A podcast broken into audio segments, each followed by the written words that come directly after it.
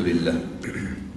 Terus saja kalimat yang mulia ini kita ucapkan dari lisan kita sebagai orang yang beriman Kepada satu-satunya pencipta segala sesuatunya Baik di langit, di bumi maupun di kedalaman lautan.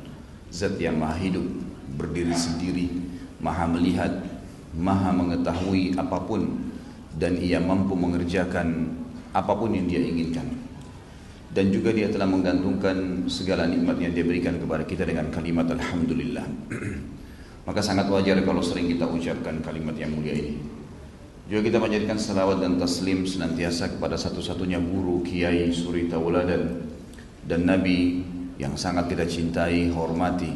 Sebagaimana Allah dan malaikatnya memberikan salam kepada beliau dan juga sebagai balas jasa dari 23 tahun masa hidup beliau yang dihabiskan untuk agama ini 13 tahun di Mekah fase yang sangat penuh dengan hinaan, cacian dan juga dianggap sebagai penyihir, penyamun dan puncaknya diusir dari kampung halamannya.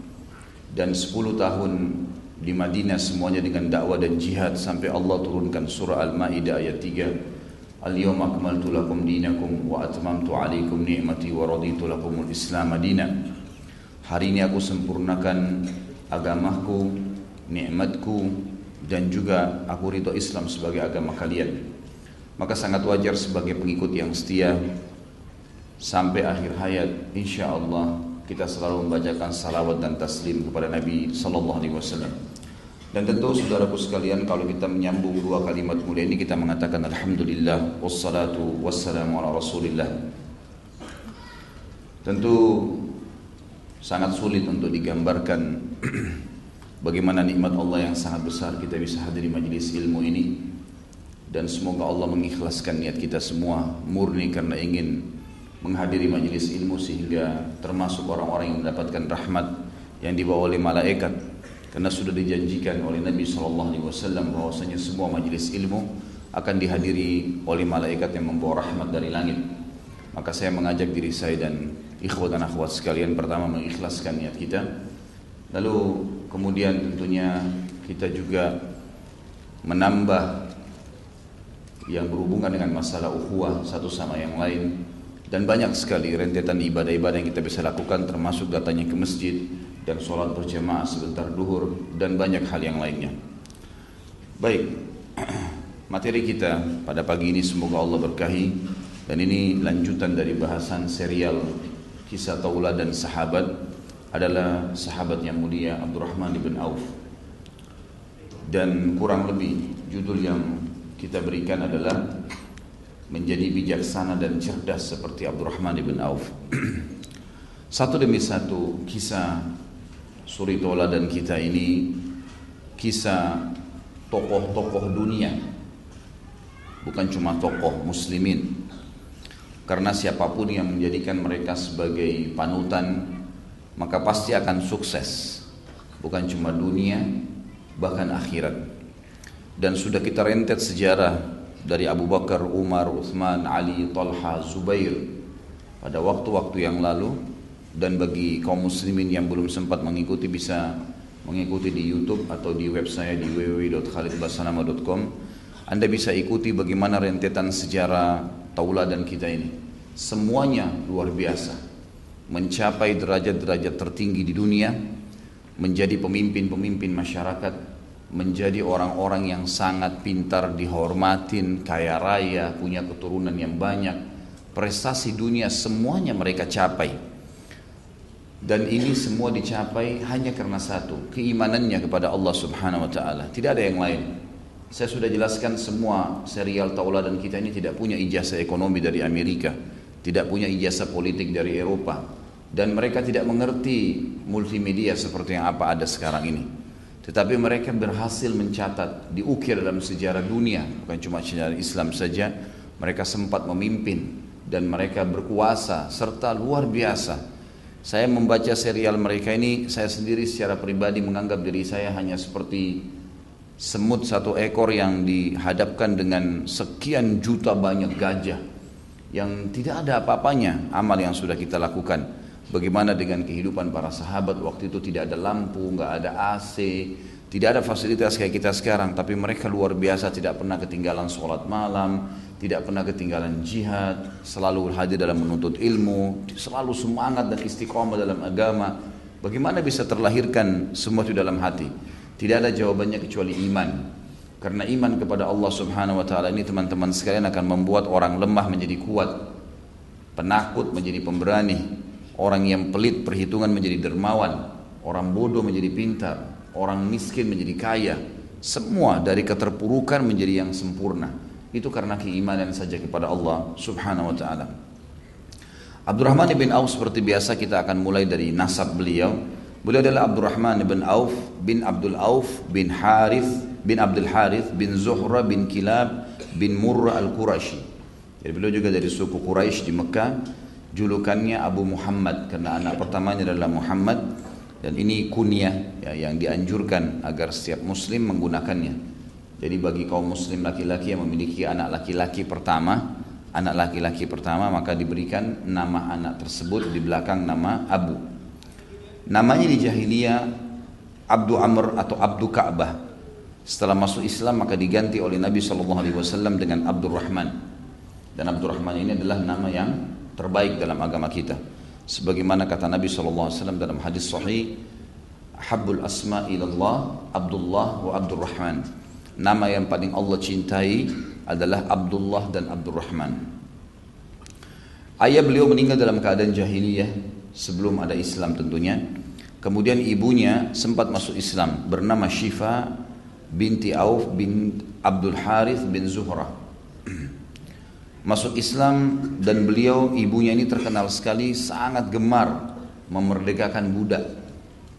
Maka pada saat beliau meninggal keluarlah sebuah hadis Nabi Shallallahu Alaihi Wasallam hadis sahih diriwayatkan oleh ahli sunan di mana Abdurrahman bin Auf datang kepada Nabi SAW waktu ibunya meninggal lalu berkata ya Rasulullah bolehkah saya memerdekakan budak untuk ibu saya? Maka Nabi SAW mengatakan merdekakanlah. Dan keluarlah sebuah hukum di sini bolehnya memerdekakan budak bagi orang yang sudah meninggal. Beliau lahir tepatnya 10 tahun setelah tahun gajah. Dan kita tahu tahun gajah kejadian Ashabul Fil dan ini bisa diikuti di materi sirah saya. Bagaimana pasukan gajah Abraha yang datang ke Mekah kemudian dihancurkan oleh Allah Subhanahu wa taala. Turun turun surah yang masyhur surah Fil Lalu kemudian ya, disebutkanlah termasyhurlah di Mekah pada saat itu dengan tahun gajah dan pada tahun itulah Nabi SAW hadir. Abdurrahman lahir 10 tahun setelah itu berarti dia lebih muda dari Nabi SAW 10 tahun. Sebagian ahli sejarah menukil tepatnya tanggal 20 April 581 Masehi beliau lahir. Dan beliau wafat 653 Masehi atau tahun 23 atau 32 Hijriah. Tahun 32 Hijriah. Ciri fisik yang dimiliki oleh Abdurrahman orangnya tinggi, putih, berkulit putih dan sangat gagah, rambut beliau lebat, bulu matanya lebat, ini dinukil dalam riwayat, hidungnya mancung, rambutnya menutupi kedua telinganya, bahu dan dadanya lebar, istilahnya orangnya gagah. Gitu. Kemudian sifat beliau yang sangat luar biasa, masyhur, beliau sangat pemberani, ulet, rajin dan juga dermawan. Dan ini adalah sifat-sifat khasnya Abdurrahman. Sebelum kita masuk ke masalah manakib, apa sih yang sebenarnya yang merupakan pelajaran besar yang kita ambil dari seorang figur Abdurrahman? Ada pelajaran penting dulu. yang pertama dari hidup Abdurrahman kita mempelajari hijrah. Hijrah ini meninggalkan wilayah kafir ke negara Islam. Seperti kasus hijrahnya beliau dari Mekah ke Madinah. Dan ini sangat dianjurkan oleh Allah Azza wa Jalla. Sebagaimana kita tahu dalam surah An-Nisa surah ya, nomor 4 ayatnya ayat 100 yang berbunyi A'udzu billahi minasyaitonir rajim Bismillahirrahmanirrahim wa man yuhajir fi sabilillah yajid fil ardi muragaman katsira wa sa'a Siapa yang hijrah di muka bumi ini dari wilayah kufur, wilayah yang sulit dia beribadah ke wilayah yang lain yang bisa dia leluasa beribadah, maka dia akan mendapatkan peluang-peluang yang sangat banyak dan juga rezeki yang sangat luas. Dan ini juga sudah saya panjang lebar jelaskan di materi saudaraku nilai rahasia rezekimu tentang pentingnya hijrah. Ya, pentingnya hijrah dan dianjurkan agar setiap muslim tidak tinggal di negara kafir ya, kecuali dalam keadaan darurat. Memang dia lahir di sana seorang duta atau memang dia harus ke sana penting lalu dia kembali.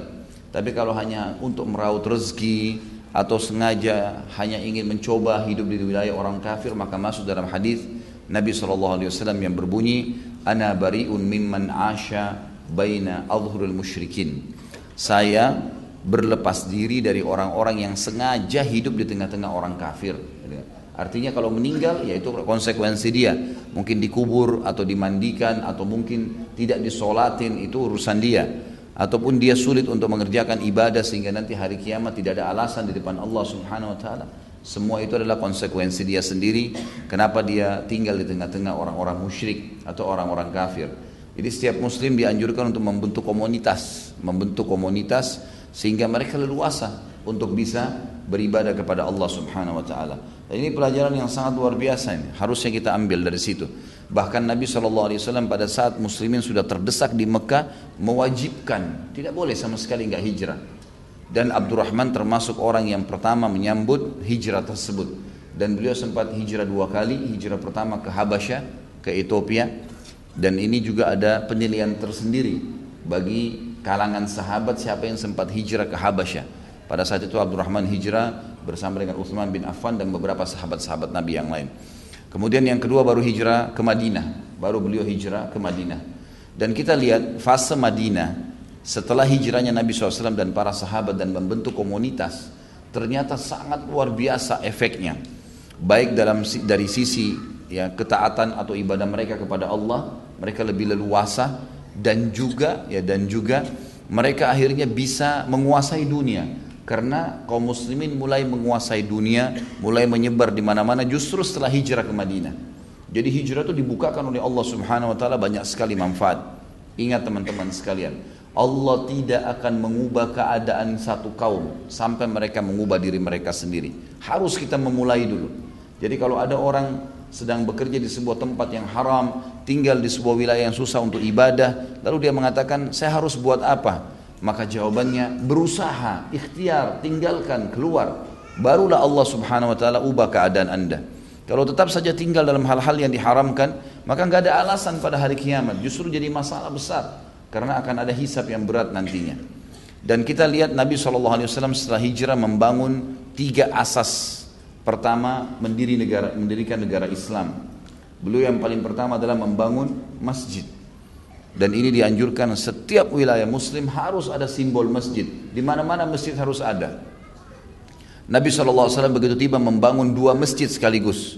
Masjid Kuba di wilayah Kuba dan empat hari lima hari setelahnya empat atau lima hari setelahnya membangun masjid Nabawi akhirnya menjadi basis tempat pertemuan kaum muslimin karena di situlah mereka menyembah Allah sehari lima kali itu minimal yang wajib belum kalau mereka datang di majelis ilmu seperti ini atau mereka melakukan ibadah-ibadah yang lainnya karena masjid di zaman Nabi SAW multifungsi. Menyambut tamu gitu kan berkumpul bermusyawarah sholat Nabi SAW menyampaikan pengajian wahyu ya kumpulnya para sahabat ya, untuk saling ya, bertemu dan seterusnya gitu kan. Kemudian uh, yang kedua adalah Nabi saw mempersaudarakan antara muhajirin dan ansar dan ini penting mempersaudarakan antara muslimin yang hijrah yang datang ke satu lokasi dengan penduduk setempat. Contoh kasus Jakarta misalnya. Mesti bagaimana caranya agar penduduk asli Jakarta dari suku Betawi dipersaudarakan dengan suku-suku yang lain yang datang dari Jawa, dari Sulawesi, dari Irian, dipersaudarakan, ditunjukkan bahwasanya kalian saudara. Perbedaan warna kulit, postur tubuh, paras wajah, jenjang sosial, semua itu tidak berpengaruh dalam Islam. Karena kata Nabi SAW, La farka baina Arabin wa ajamin illa bittaqwa.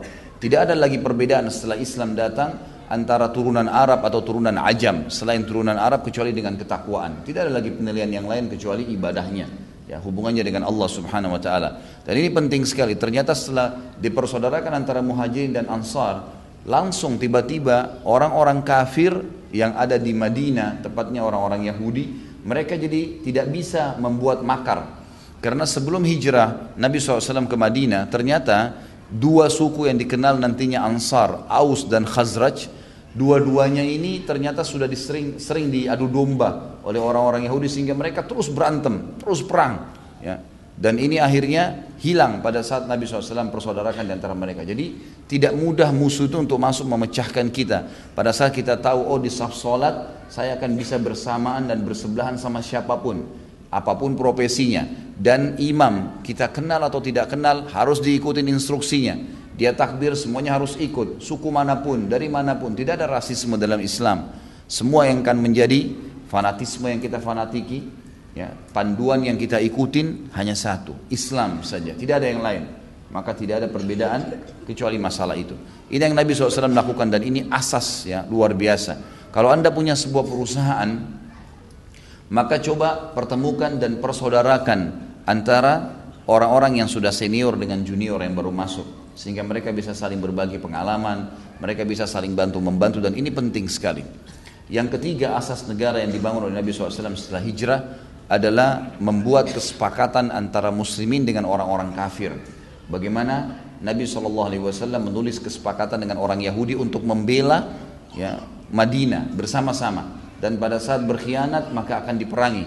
Dan ternyata ketiga suku Yahudi, Qainuqa, Nadir dan Quraidha, tiga-tiganya akhirnya diusir dari Madinah karena mereka berkhianat. Kalau Qainuqa berusaha untuk mempermalukan seorang sahabiat muslimah, yang akhirnya datang ke pasar Yahudi belanja lalu dicantolin besi yang tajam sehingga bajunya sobek. Dan akhirnya dipermalukan dan ditertawakan oleh anak-anak muda Yahudi. Lewatlah seorang sahabat langsung membunuh Yahudi yang sedang melakukan perbuatan tersebut.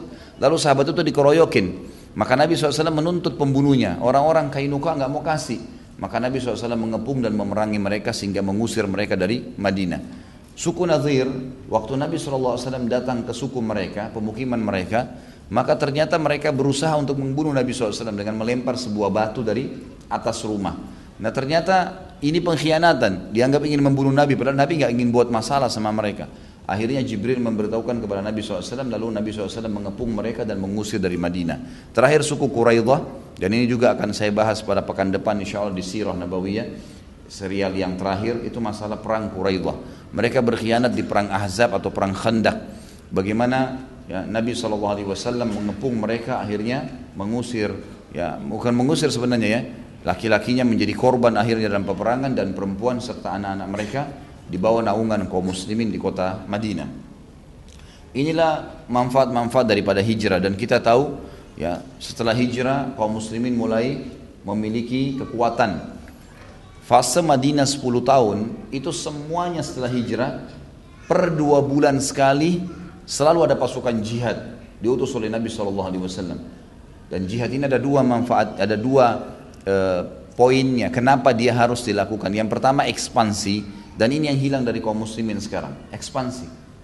Yang kedua mempertahankan diri jadi memang dalam Islam dianjurkan seseorang muslim, pemimpin muslim itu membentuk pasukan dan memang menawarkan Islam ke wilayah-wilayah non-muslim. Kalau mereka nolak maka mereka bayar jizyah. Kata Allah SWT, hatta yu'tul jizyah ayyadin wahum sagirun. Kalau mereka nolak Islam, mereka harus membayar upeti. Dalam kondisi kata Allah, mereka itu terhina. Kenapa menolak agamanya Allah? Dan kalau mereka nolak, baru terjadi peperangan. Ini ekspansi. Dan kita lihat Nabi SAW mengekspansi, mengirim pasukan jihad per dua bulan sekali. Kalau kita tarik rata-rata, ada kadang-kadang memang empat bulan, ya, enam bulan. Tapi kalau ditarik rata-rata 10 tahun itu per dua bulan sekali Nabi SAW mengirim pasukan ekspansi ini. Terakhir pembuka, pembebasan kota Mekah dan akhirnya menjadi kiblat muslimin yang bebas dari patung-patung. Kemudian kita juga lihat Abu Bakar mengekspansi, membersihkan jazirah Arab pada saat itu dari patung-patung dan eh, orang-orang yang maaf eh, Abu Bakar membersihkan Jazirah Arab dari pendusta-pendusta yang mengaku nabi seperti Musailam al-Kadzab gitu kan itu diusir oleh dibunuh oleh Abu Bakar dan akhirnya berhasil mengembalikan ya kerasulan Nabi SAW satu-satunya di Jazirah Arab. Kita lihat di zaman Umar puncaknya tahun 14 Hijriah itu ada perang Yarmuk. Diutusnya pasukan muslimin yang jumlahnya hanya 8.004 orang pada saat itu dan akhirnya berhasil Amr bin As menembus Mesir dan pada saat Mesir sudah dikalahkan di, di, di ekspansi Islam ke sana maka seluruh Afrika terbuka pada saat itu termasuk Afrika Utara, Tunis, Jazair dan Maroko. Kemudian itulah nanti akhirnya membuka jalan menuju ke Spanyol pada saat zaman Umayyah. Dan kita lihat pasukan tahun ya, pasukan yang lain juga dikirim ke negeri Syam, membuka negeri Syam, Palestina, Syria, Yordania, dan Libanon, serta wilayah Turki yang berada di Asia. Ini di tahun 14 Hijriah dan ini ekspansi yang banyak umat Islam sekarang sudah tidak lakukan lagi. Sayang sekali. Ya, sehingga akhirnya mereka anggap jihad itu hanya poin kedua. Kalau lagi diserang saja. Padahal sebenarnya ini tidak. Makanya umat Islam sekarang mau didesak, mau dihukum, mau dibunuh, diusir, mau dipermalukan, tidak ada yang bisa bergerak karena tidak dibentuk pasukan memang yang ekspansi ini. Kita tidak boleh tutup mata, gitu kan. Saya bukan mengajak kita berperang, ya begitu saja kosong tidak. Saya bicara tentang hukum agama kita dan fakta histori dari Nabi kita Muhammad SAW. Ini setelah hijrah semua, gitu kan. Dan Umar bin Khattab pada tahun 15 Hijriah mengutus pasukan 12 ribu dipimpin oleh Sa'ad bin Abi Waqqas radhiyallahu anhum ajma'in itu ke wilayah Persia yang dikenal dengan perang Qadisiyah dan akhirnya seluruh wilayah Persia, Irak, Iran, Afghanistan, Rusia keseluruhannya itu takluk di tangan kaum muslimin. 12 ribu berhasil mengalahkan 250 ribu pasukan Persia dan sesuai dengan sabda Nabi SAW segelintir kecil dari umatku dari sahabatku yang akan memasuki dan merebut ya gedung putihnya ya istana putihnya Kisra ya Raja Kisra pada saat itu atau Raja Persia diistilahkan dengan Kisra. Apa yang terjadi setelah ekspansi Islam? Islam datang ekspansi itu hanya untuk menawarkan Islam karena ini agama Allah dan inna dina indallahin Islam. Gak boleh ragu masalah itu. Agama yang diterima di sisi Allah hanya Islam. Yang kedua, setelah masalah ya penawaran Islam, mereka nolak baru bayar jizyah. Kalau mereka nolak baru perang. Itu pun dalam peperangan ada adab-adabnya. Nggak boleh bunuh orang menyerang, nggak boleh bunuh wanita, nggak boleh bunuh orang tua, nggak boleh bunuh ya anak-anak, tidak boleh bunuh hewan-hewan, nggak boleh rusak fasilitas umum, tidak boleh merusak tanam-tanaman, tidak boleh ya membunuh hewan-hewan. Bahkan tempat-tempat ibadah nggak boleh dirusak, bisa diubah menjadi masjid. Ya. Sebagaimana perilaku Muhammad ya Sultan Muhammad Fatih yang pada saat mengubah gereja Ayah Sofia di Turki menjadi masjid. Jadi kita lihat di sini ekspansi. Dan pada saat sudah diekspansi, sudah berhasil masuk Islam, Islam tidak akan menurunkan kepala suku dari jabatannya. Islam tidak merebut seorang suami dari istri atau istri dari suaminya. Islam tidak memisahkan antara orang tua dengan anaknya. Islam tidak mengubah ya apa pun yang merupakan jenjang sosial dan ekonomi seseorang atau jabatannya kecuali ya hanya menerima Islam dan menerapkan Islam dalam kehidupan mereka. Itu yang itu yang diajarkan dalam Islam dan kita lihat setelah ekspansi negeri Persia, enam orang perawi hadis yang sangat masyhur, enam buku hadis Bukhari, Muslim, Abu Daud, Tirmidzi, Ibnu Majah, Nasai, semua enam orang ini dari negeri Persia. Semua pada saat setelah ekspansi kakek-kakek mereka masuk Islam, akhirnya anak cucunya mulai hafal Quran dan menjadi ulama-ulama hadis. Ini hasil daripada ekspansi. Ya. Jadi kita harus paham tentang masalah-masalah seperti ini. Ini berhubungan pelajaran penting dalam masalah hijrah. Jadi kita dengan hijrah dari negara kafir ke negara muslim, kita akan mendapatkan ya terbukanya banyak peluang-peluang bisanya leluasa beribadah dan juga selamat dari pertanyaan-pertanyaan yang Allah akan berikan pada hari kiamat. Kenapa kau tidak? Ya, tinggalkan wilayah yang susah untuk beribadah. Ada orang-orang nanti ditanya pada hari kiamat begitu. Mereka masuk neraka ditanya kenapa kalian? Ya, ada apa yang membuat kalian masuk neraka? Dia bilang mereka bilang kami susah beribadah. Kami susah beribadah. Lalu Allah lalu para malaikat mengatakan alam takun ardullahi wasi'ah fatuhajiru fiha Bukankah buminya Allah sudah sangat luas? Kalian bisa berhijrah. Gak ada alasan, gitu kan? Gak ada alasan. Dan ternyata hijrah kemudian membentuk komunitas, mendirikan sebuah kekuatan muslimin dan akhirnya mengekspansi Islam ke mana-mana. Ini target utama agama kita. Dan Abdurrahman ibn Auf adalah salah satu daripada orang yang ikut pada saat itu hijrah dan yang luar biasanya dalam kasus hijrah Abdurrahman, dia adalah seorang miliarder di Mekah. Radhiyallahu anhu. Semua hartanya diambil oleh orang-orang kafir. Tidak ada yang dibawa dengan baju di badan saja. Ini luar biasanya radhiyallahu anhu. Beliau hijrah. Ya, saking tulusnya. Ini nggak gampang ini. Nggak gampang. Kita pindah, tidak usah pindah negara. Dan antara kota dengan kota. Kita masih butuh bekal, butuh bawa sesuatu. Tapi karena hijrah karena Allah, dia pasrah, tawakal kepada Allah. Hijrah dengan pakaian di badan gitu kan. Dan ini sangat luar biasa dari orang yang sangat kaya raya kalau kita sekarang sudah punya kendaraan mewah, rumah mewah, Abdurrahman bin Auf dalam kisah di Mekahnya sangat luar biasa. Rumahnya sangat besar, kudanya ada ribuan ekor, itu unta yang dia memiliki ribuan ekor, miliarder, orang yang kaya raya, semuanya ditinggal, nggak ada yang dibawa sama dia. Semuanya ditinggal. Karena kalau dia bawa akan ketahuan oleh orang-orang kafir Mekah dan mereka akan membunuh siapa pun yang hijrah yang kedapatan. Seperti itu. Maka Abdurrahman hijrah di sini dan ini pelajaran yang luar biasa. Nanti kita lihat bagaimana Allah membuka untuk Abdurrahman pintu-pintu rezeki. Yang pertama yang Allah bukakan buat dia adalah munculnya sifat afaf di dalam diri Abdurrahman ini. Begitu hijrah karena Allah, Allah berikan kepada dia sifat afaf. Afaf ini tidak mau memberatkan orang lain. Tidak mau memberatkan orang lain dan ya, afaf ini bisa juga berarti kalau bahasa Indonesia kesucian jiwa, kemuliaannya, mulia. Dia tidak mudah ya, untuk merendahkan dirinya hanya karena kebutuhan dunia, hanya karena makanan, hanya karena pakaian, hanya karena jabatan. Dan ini juga kata para ulama Abdurrahman selain afaf punya kemuliaan jiwa karena hijrahnya ikhlas karena Allah, maka diberikan juga sifat muruah. Muruah itu kemurnian ibadah kepada Allah. Luar biasa hubungannya dengan Allah Subhanahu wa taala. Nanti akan kita lihat banyak kisah-kisahnya. Dan ini sangat kental kelihatan pada saat begitu tiba di Madinah, masih baru tiba ikut membangun Masjid Kuba. Eh, kemudian berapa hari, 4-5 hari setelah itu menuju ke arah Masjid Nabawi kemudian membangun juga Masjid Nabawi pada saat proses pembangunan Masjid Nabawi itu Nabi SAW mempersaudarakan antara muhajirin dan ansar. Dan dipersaudarakanlah Abdurrahman ibn Auf dan ini kisah persaudaraan antara sahabat. Semua buku sejarah menukil kisah Abdurrahman dengan Sa'ad ibn Rabi radhiyallahu anhu ajma'in. Sementara kisah-kisah persaudaraan sahabat sebenarnya banyak. Tapi kisah Abdurrahman ini yang paling menonjol. Karena memang luar biasa gitu. Sa'ad ibn Rabi radhiyallahu anhu ini adalah salah satu pimpinan dari orang Ansar Madinah dan orang yang kaya raya. Setengah perkebunan kurma di Madinah milik Sa'ad ibn Rabi, setengah perkebunannya. Dan perlu teman-teman tahu, di Saudi sekarang itu dianggap orang itu kaya kalau dia punya kebun kurma. Kalau cuma sekedar punya rumah besar, mobil mewah itu biasa, bisa saja dia dapatkan dari pekerjaan dia di kantor karena gaji cukup besar di sana. Tapi kalau orang punya kebun kurma itu sangat kaya karena perawatannya lumayan, hasilnya juga banyak gitu kan. Nah pohon kurma itu bisa umurnya sama dengan ya, pohon kelapa, jadi cukup lama dan hasil buahnya juga sangat banyak.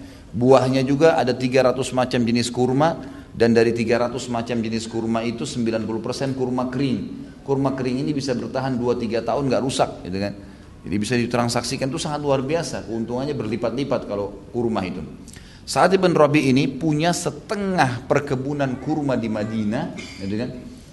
Ini sebagian ulama mengatakan kalau mau ditarik rasionalnya sekarang ini orang-orang yang punya building. Kalau orang punya kebun kurma zaman dulu, itu sama dengan orang punya building. Dan sekarang begitu, perkebunan kurma di Saudi itu lebih mahal daripada harga building-building besar. ya Sampai 30 tingkat, 20, 30 tingkat itu kebun kurma jauh lebih mahal dari harga-harga itu semua. Jadi memang sangat luar biasa. Sama kalau kita tarik misalnya supaya mudah difahamin. Kalau orang punya seluruh Jakarta ini, building-building yang ada di Sudirman dan Tamrin misalnya, ada orang yang memiliki setengah gedung-gedung besar itu punya dia. Kita anggap itu Sa'ad bin Rabi radhiyallahu anhu. Waktu dipersaudarakan dengan Abdurrahman, Nabi SAW menunjuk kamu sama kamu, kamu sama kamu, ditunjuk sahabat begitu. Kalian bersaudara karena Allah, maka kalian harus saling mengingatkan pada kebaikan dan saling mengingatkan agar meninggalkan keburukan. Bertemu karena Allah dan juga berpisah karena Allah. Maka sahabat faham masalah itu. Waktu pertama sekali saat Ibn Rabi ditunjuk bersaudara sama Abdurrahman, yang paling pertama saat Allah menerima itu. Walaupun dalam kondisi Abdurrahman orang yang sangat miskin pada saat itu tidak punya apa-apa lagi, baju di badan. Dan untuk menunjukkan ketulusannya, saat radhiyallahu anhu berkata, Wahai Abdurrahman, saya ini pemilik setengah perkebunan Madinah. Semua kebun kurma ini milik saya setengahnya. Sama tadi saya bilang Jakarta setengah Tamrin dan Sudirman ini semua building punya saya. Apa penawarannya saat saya ingin membagi dua itu untuk kamu. Setengahnya ambil. Jadi kalau misalnya ada 1000 building, 500 building. Sekarang 500 building itu satu building saya sudah berapa miliar gitu kan. Itu dibagi dua lagi, 250 kamu, 250 saya. Penawaran yang luar biasa. Luar biasa penawaran tidak main-mainin. Ya, nggak main-main. Kita mungkin kalau punya saudara yang datang dari sebuah kampung, kampung di Indonesia lah, di sebuah desa, datang kemudian minta tolong sesuatu. Mungkin minta tolong pekerjaan, minta tolong apa. Ya mungkin pakaiannya cuma tinggal di badan. Pernah nggak kita berpikir membongkar lemari kita ngeluarin setengah baju kita semua? Pakaian aja, nggak usah hal yang besar dulu, gitu kan? Pakaian aja, bongkar lemari kita, setengah baju itu kita kasih kepada dia. Pernah berpikir nggak? Subhanallah kadang-kadang mungkin kita ngeluarin satu baju, dua lembar baju itu pun kita masih perhitungan. Cari mana baju yang paling tua gitu kan. Bayangkan saat langsung, ini saya ingin menarik supaya kita lihat bagaimana bagaimana bobot iman mereka ya. Setengah harta saya punya kau. Langsung. Dia iya langsung iya, selesai. Pada saat itu luar biasa. Saya coba merenungi kisah ini luar biasa. Saya sampai Terharu sekali ya waktu duduk malam-malam saya coba baca, saya renungin. Kisah ini sudah sering saya dengar waktu di Madinah. Tapi saya coba lebih mendalami, minta petunjuk sama Allah. Apa sih bobotnya seperti apa? Subhanallah tersentuhlah saya, saya berpikir luar biasa. Mungkin kalau ada orang yang datang kepada saya minta tolong, mengaku dari luar luar Jakarta misalnya, apa yang akan saya berikan kepada dia? 100 ribu uang, Sementara misalnya uang saya ada satu juta, pernah gak kita berpikir punya uang 10 juta, ada saudara kita datang hijrah ke Jakarta, kita kasih 5 juta langsung, padahal uang 10 juta itu setengah mati dikumpul, gitu kan? Itu luar biasa. Dan ini saat Ibn Rabi memberikan, menawarkan setengah perkebunan itu sama semuanya, tanahnya langsung miliknya, pohon-pohonnya, dan semua pegawainya. Pegawainya waktu itu ada saat Ibn Rabi ini punya ribuan pegawai. Ya, beberapa asar menyebutkan Sa'ad bin Rabi ini punya 5000 pegawai. Banyak sekali. Karena setengah perkebunan kurma ini semua milik dia, gitu kan. Itu setengahnya sama pegawainya 2500 orang. Ambil. Gitu kan. Pernah kita berpikir tadi pakaian, makanan. Kalau kita mau keluarkan makanan, ada tamu datang. Pernahkah kita berpikir mengeluarkan setengah makanan kita? Pernahkah kita berpikir ya, memberikan setengah saham perusahaan? Kalau kita lebih besar lagi, Begitu orang datang, ini setengah saham buat kamu, silakan kembangin. Dan seterusnya, itu luar biasa. Saya terus terang masih belum bisa menangkap bagaimana ya Sa'ad bin Rabi menawarkan ini dan tanpa pamrih. Tidak cukup itu teman-teman sekalian. Saat radhiyallahu anhu luar biasa menawarkan yang kedua setelah kebun itu secara bersamaan sebelum Abdurrahman kasih jawaban. Saya orang yang memiliki setengah perkebunan kurma di Madinah, setengah buat kamu dan Langsung dengan dan, tidak cukup. Saya punya dua orang istri. Lihat salah satunya yang mana kau suka. Bukan dipilihkan. Lihat salah satu yang mana kau suka. Kemudian saya ceraikan setelah masa iddah kau nikahi. Coba bayangkan saya duduk merenungi malam-malam di kantor saya. Saya sambil menulis, saya sambil netesin air mata terus terang. Saya berpikir bagaimana bisa orang menawarkan istrinya Luar biasa, ini beratnya luar biasa. Istri dan perhatikan saat Ibn Rabi seorang pimpinan suku, kepala suku di Madinah. Artinya ini bukan orang sembarang, istrinya pun orang-orang yang terkenal, memiliki kecantikan. Tidak ada, bisa kita katakan tidak ada orang kaya nikah sama wanita jelek. Itu umumnya. Mereka merasa punya kelebihan materi, wanita pun merasa memang membutuhkan itu, maka mereka nikah dengan wanita yang terbaik istrinya saat waktu itu dikatakan semuanya adalah anak-anak yang dinikahi oleh saat gadis dan semuanya anak-anak eh, perempuan-perempuan yang sempurna secara fisik dan juga subur serta orang yang punya kedudukan. Saat Ibn Rabi radhiyallahu anhu luar biasa. Imannya kepada Allah Azza wa ini luar biasa. Dia mengatakan lihat salah satunya yang kau suka yang mana, gitu kan? Saya ceraikan setelah masa iddah kau nikahi. Ini luar biasa. Saya Terus terang kalau merenung ini tidak bisa menangkap bagaimana mereka pada saat itu tuh, gitu kan?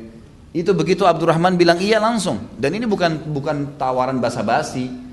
Kita kadang-kadang subhanallah hanya mentraktir teman saja, ya. Mungkin nanti saya ada yang bayar, dompetnya belum ditarik. Ya. Nanti saya aja yang bayar. Kalau temannya bilang ya sudah nggak apa-apa nanti saya aja. Udah ya, udah terserah kamu. Enggak, bayangkan. Jadi hanya hanya basa-basi gitu kan. Berapa traktir makanan satu piring, dua piring teman-teman sekalian? Hah? 50 ribu, 100 ribu, masih berat kita keluarkan. Ini nawarin setengah usahanya yang sudah berjalan. Istrinya satu dikasih sama dia, gitu kan? Itu bentuk luar biasa yang tidak bisa. Saya terus terang sampai sekarang belum bisa menangkap bagaimana imannya mereka pada saat itu. Perhatikan tawaran ini dari saat bin Rabi radhiyallahu anhu. Ini luar biasa. Yang lebih luar biasa bagi saya adalah Abdurrahmannya.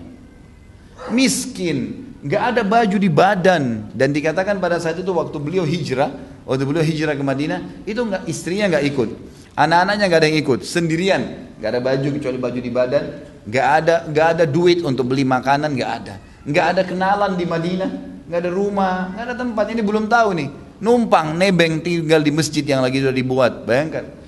Dapat penawaran cash setengah harta langsung kaya raya, dapat tiba-tiba punya istri dari wanita yang terkenal, gitu kan? Luar biasa. Apa jawabannya Abdurrahman? Semoga Allah memberkahi di hartamu dan keluargamu. Bahasa santun, artinya saya tidak akan menerima itu. Nolak, gitu kan? Nolak. Ini afaf, kesucian jiwa yang luar biasa. Dan itu luar biasa. Kita kadang-kadang tadi saya bilang hal kecil, hanya menerima tawaran traktir saja kita sudah langsung mengiyakan. Ini tawaran yang luar biasa, sudah susah digambarkan. Saya yakin teman-teman yang sudah punya istri, kalau membayangkan istrinya ditawarkan untuk temannya seiman, itu nggak gampang itu, susah sekali. Makanya para ahli sejarah mengatakan diangkat kisah Abdurrahman paling menonjol dalam masalah persaudaraan ini karena tidak bisa dibayangkan gitu. Susah, nggak semua sahabat menawarkan seperti itu. Dan ini penawaran yang tulus, memang betul-betul karena Allah, gitu kan. Dan Allah pertemukan dua orang yang mulia. Abdurrahman pun tidak kalah mulianya. Lebih luar biasa ditolak semuanya, nggak mau. Ini kemuliaan jiwa nih, gitu kan. Dalam Islam saudaraku kata Nabi SAW dalam hadis Bukhari, ya dulu ulia khairu di sufla. Muliakan hidup kita itu. Kata Nabi SAW, tangan yang memberi lebih baik daripada tangan yang menerima. Tidak boleh ya. Kita mengulurkan tangan kasih saya, kasih saya dalam Islam itu terhina. Nggak bisa. Itu minta ya. Ini Abdurrahman ibn Auf bukan minta, ditawarkan. Dia masih nolak. Punya kemuliaan jiwa, nggak mau. Sudah jangan, apa-apa. Dan dengan santun dia dengan bahasa yang sangat tinggi. Ya, secara secara bahasa secara sastra ini sangat luar biasa. Dia tidak jadi orang itu kalau mau menolak ya dan memiliki adab yang tinggi dia mengatakan semoga Allah berkahi kamu. Jadi dia bukan cuma sekedar tidak mau mengambil, dia langsung mendoakan mengatakan semoga Allah berkahi keluargamu dan hartamu. Semoga makin banyak. Udah, dia cuma bilang tunjukkan untuk saya di mana pasar. Itu saja. Lalu Abdurrahman pun ditunjukkan pasar. Saat bin Rabi belum tahu mau apa nih Abdurrahman. Dia minta pasar ya sudah, ditunjukkan pasar. Lalu Abdurrahman ada beberapa asar menyebutkan di antaranya adalah dia temukan di pasar Madinah paling banyak ditemukan e, penjual cangkul dan kebutuhan perkebunan karena rata-rata orang kerja kebun kurma. Maka Abdurrahman mendatangi salah satu dari orang yang memiliki toko di sana, kios lalu kemudian dia minta, bisa nggak? Saya mau hajir, saya mau beli, saya beli, bukan minta, bukan pinjam. Saya beli dari anda, tapi jatuh tempo. Saya ngambil tiga cangkul, empat cangkul, lima cangkul, anggap saya beli, besok saya bayar. Jatuh tempo satu hari. Dan dari sini ulama mengambil hukum bolehnya transaksi dengan jatuh tempo. Ngambil sebelum modal. Dengan kepercayaan ini dibolehkan. Dan Abdurrahman cuma membawa bekal itu saja. Bagaimana kejujurannya. Subhanallah diambil lima cangkul tersebut. Dijual di pasar itu dia keliling laku. Dibayar langsung ke toko itu. Dia ambil besoknya 20. Dalam satu bulan saja Abdurrahman sudah punya kios. Gitu kan udah punya kios sendiri. Kemudian Abdurrahman melakukan satu perilaku yang luar biasa. Dan ini jarang disentuh dari sisi ekonomi. Bagaimana cerdasnya dia dalam dalam dalam berbisnis gitu kan. Padahal waktu itu tidak ada sekolah khusus bisnis gitu. Abdurrahman melihat pasar itu terlalu padat pada saat itu. Dan dia melihat di sebelah pasar itu ada lahan yang kurang efektif. Maka dia datangi pemiliknya. Lalu dia ajak kerjasama pemilik tersebut. Dia bilang, bagaimana kalau tanah ini kita buat pasar baru? Caranya bagaimana? Kata orang Ansar itu. Caranya sederhana. Jadi buka lahan ini, dibersihkan, kita bayar beberapa orang membersihkan lahan ini, kemudian dipetak-petakin, kayak kita sekarang mungkin buka buat pasar, dipetak-petakin, kemudian kita tawarkan kepada pedagang-pedagang yang baru mau dagang, karena pasar itu sudah penuh, kalau ada pedagang baru mau masuk nggak bisa. Kita tawarkan kepada pedagang-pedagang yang baru mau masuk silahkan. Mereka boleh pakai petak-petak ini. Dan tidak harus bayar. Gratis. Silahkan gratis. Kalaupun ada yang mau bayar, maka dia bayar terserah dia, sukarela. Bayar berapa saja. Gitu kan? Maka kita mendapatkan pahala dan juga kita akan mendapatkan income walaupun tidak jelas. Karena tidak diambil jumlah tertentu sewanya. Yang milik tanah mengatakan silahkan jalani saja. Dibersihkan sama Abdurrahman, lalu Abdurrahman membuat pasar yang sangat luar biasa pada saat itu. Dibentuk sama dia pasar yang menunjukkan pasar ini jauh lebih rapi dari pasar sebelumnya dan akhirnya kesambung dengan pasar yang sudah ada di Madinah. Akhirnya ternyata orang-orang kena merasa senang dengan ide Abdurrahman. Orang bukan hanya membayar sewa, orang pada memberikan banyak sekali harta yang membuat tiba-tiba dalam satu bulan saja Abdurrahman bin Auf berhasil mengumpulkan harta yang banyak Kemudian juga Abdurrahman berhasil menikahi salah satu wanita dari Ansar. Sampai dalam hadis Bukhari disebutkan Abdurrahman sempat hadir waktu sholat dengan Nabi SAW lalu kemudian selebihnya pergi. Nabi SAW belum tahu perkembangannya. Sebulan kemudian Abdurrahman datang sudah tercium bau wangi-wangian di bajunya, bajunya sudah bagus. Ya. Lalu Nabi SAW tanya, ada apa wahai Abdurrahman? Ya? Jadi ini ada bahasa yang digunakan oleh Nabi bahasa persahabatan ya. Jadi Abdul, Nabi SAW kalau bahasa Indonesia susah saya terjemahkan, tapi beliau mengatakan kurang lebih, kenapa tiba-tiba berubah kau Abdurrahman? Ada apa? Kelihatan ada wangi-wangian, bajumu sudah bagus.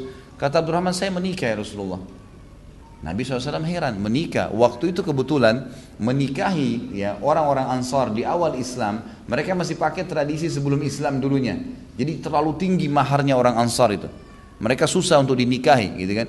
Apalagi orang-orang Ansar di Madinah ini tidak ada pendatang seperti Mekah dari budak-budak gitu kan. Dari orang-orang yang datang mencari kerjaan. Memang rata-rata mereka itu orang-orang yang mampu waktu itu di Madinah. Maka menikah itu sebuah prestasi besar. Kata Nabi SAW, sama siapa kau menikah? Dengan wanita Ansar ya Rasulullah. Apa yang kau kasih sebagai mahar? Dia bilang emas. Ya, emas yang saya berikan sebagai maharnya. Nabi SAW sudah tahu, berarti sudah berhasil nih Abdurrahman. Lalu kata Nabi SAW, Aulim walau bisyat. Kalau begitu Abdurrahman iklankan walaupun dengan seekor kambing saja. Dan ini termasuk hukum syar'i juga keluar dari situ. Bagaimana seseorang kalau menikah, dia mengiklankannya. Tapi ini pelajaran yang sangat luar biasa yang kita bisa ambil dari seorang Abdurrahman ini. Abdurrahman bin Auf memiliki Allah subhanahu wa ta'ala berkahi bukan cuma di dirinya, bukan cuma waktunya, dan akan banyak nanti yang kita ceritakan. Biasanya memang tradisi saya dalam menjelaskan serial sahabat ini nasab sahabat itu, kemudian kita akan masuk ke pelajaran-pelajaran penting dulu yang kita bisa ambil dari hidup beliau, kemudian baru kita masuk ke masalah istri dan anak-anak, baru kemudian kita masuk ke manakib. Manakib ini kelebihan memang yang dimiliki oleh beliau yang akan uh, uh, dijadikan sebagai pelajaran untuk seluruh muslimin gitu kan. Kalau tadi yang itu pelajaran penting itu hanya secara global. Kita masuknya masalah hijrahnya tadi itu global. Nanti kita akan masuk lebih spesifik lagi ke dalam tentang perilaku-perilaku beliau dalam kehidupan sehari-hari. Abdurrahman ibn Auf ini disebutkan dalam sejarah memiliki cukup banyak istri yang terlintas wanita dalam hidup beliau. Ahli sejarah mengumpulkan dan mengatakan dari pertama Abdurrahman hijrah sampai beliau meninggal dunia di tahun 32 Hijriah itu terhitung ada 16 orang wanita yang terlihat dalam hidup beliau. Selain istri ada yang cerai dan ada juga yang meninggal dunia. Ya, tapi yang tertinggal, yang tinggal bersama beliau pada saat beliau meninggal dunia ada empat orang wanita. Ada empat orang wanita dan wanita ini yang masyhur ya, dari uh, istri-istrinya adalah Ummu Kulthum binti Uqbah bin Abi Mu'aid. Ini yang terkenal yang bertahan dengan Abdurrahman dan akhirnya memiliki banyak sekali keturunan. Kemudian ada yang kedua Sahla binti Suhail binti Amr. Tentu di sini Uqbah bin Abi Mu'aid dengan Suhail bin Amr ini adalah kepala-kepala suku di Mekah, gitu kan. Anak-anak mereka masuk Islam, ya, anak-anak mereka masuk Islam dan menikah dengan Abdurrahman. Yang ketiga Ummu Kalthum binti Uqbah bin Rabi'ah Uqbah bin Rabi'ah, Utbah bin Rabi'ah ini juga ya ayahnya Ummu Kalthum adalah salah satu kepala suku di Mekah. Kemudian Habibah binti Jahash. Jadi ini saudara dengan istri Nabi Shallallahu Alaihi Wasallam. Ini empat orang yang masyhur, kemudian ada Allah karunia beliau 22 anak laki-laki dan 8 orang putri. Ya. Jadi putranya 22 orang, dan putrinya delapan orang. Jadi subhanallah bukan cuma Allah berkahi di dalam kehidupan dia sendiri karena dia beriman kepada Allah. Dan nanti kita lihat bagaimana kekayaan yang dimiliki oleh Abdurrahman yang Allah bukain di dalam bisnis dan juga jabatan-jabatan yang dia dapatkan. Sampai nanti kita akan bahas dia sempat menjadi kandidat terkuat dua kali untuk jadi khalifah. Tinggal dia iya kan jadi khalifah. Kalau dia iakan pada saat itu, Uthman dan Ali tidak jadi khalifah. Subhanallah. Ya kan? Nanti akan kita lihat dan kita bahas masalah itu. 22 putranya ini saya ringkaskan nama-namanya adalah Muhammad, Ibrahim, Humaid. Itu teman-teman yang mau catat kalau tidak sempat nanti bisa dilihat uh, ulangannya di YouTube ya. Karena saya tidak mungkin bisa mendikte satu-satu. Muhammad Ibrahim, Humaid, kemudian Abu Salamah, Umar, Mus'ab, Salim Akbar, Ismail, Urwah, Salim Asgar, maksudnya Salim Akbar ini Salim yang besar. Jadi kadang-kadang sahabat memberikan namanya anaknya dua sama tapi diberikan salim besar dan salim kecil misalnya. Ini makanya ada salim akbar dan salim asgar. Kemudian Abdullah, Suhail, Zaid, Abdurrahman. Jadi namanya dia Abdurrahman, nama anaknya juga Abdurrahman, gitu kan? Dan ini bukan aib dalam Islam, dibolehkan. Kemudian Uthman, Abu Uthman, Al-Qasim, Ma'an, Abu Bakar, Bilal, Yahya, Abdullah, Asgar. Jadi ada Abdullah Akbar, ada Abdullah Asgar.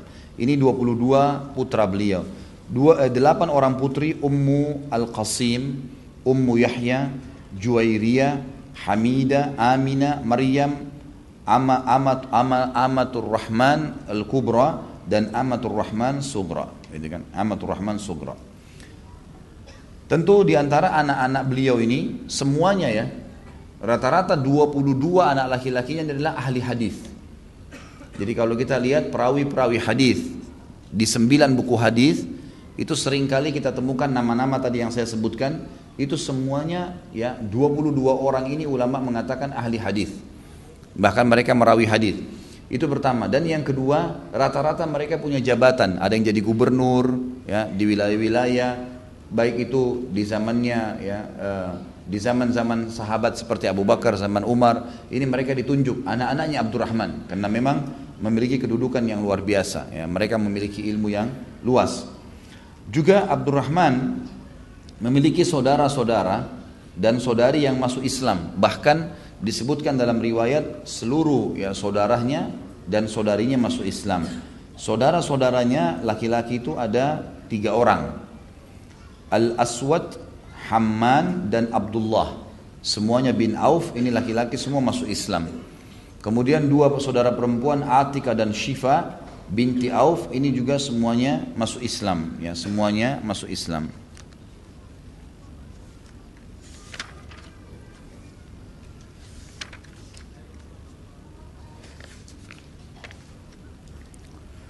Sekarang kita akan masuk ke manakibnya. Manakib ini artinya apa yang kita bisa ambil dari orang ini dan kelebihan-kelebihan apa yang telah Allah berikan kepada dia. Dunia dan akhiratnya tentunya. Yang pertama Abdurrahman bin Auf adalah termasuk 10 orang yang pertama masuk Islam. 10 orang pertama masuk Islam dan ini luar biasa punya nilai sendiri sebagaimana Allah mengatakan as-sabiqunal awwalun minal muhajirin wal ansar walladzina tabauhum walladzina radhiyallahu anhum wa radu an ya. Al-ayah tentu ada sambungannya orang-orang yang pertama masuk Islam dari muhajir dan ansar gitu kan dan orang-orang yang mengikuti mereka setelah itu. Ya, Allah telah ridho dan kepada mereka dan mereka ridho kepada Allah.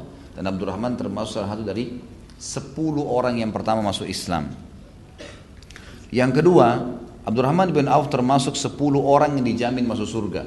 Sebagaimana hadis yang sudah sering kita sebutkan, Nabi SAW bersabda dalam hadis Bukhari, hadis Abu Dawud, Nasai, banyak disebutkan ahli sunan.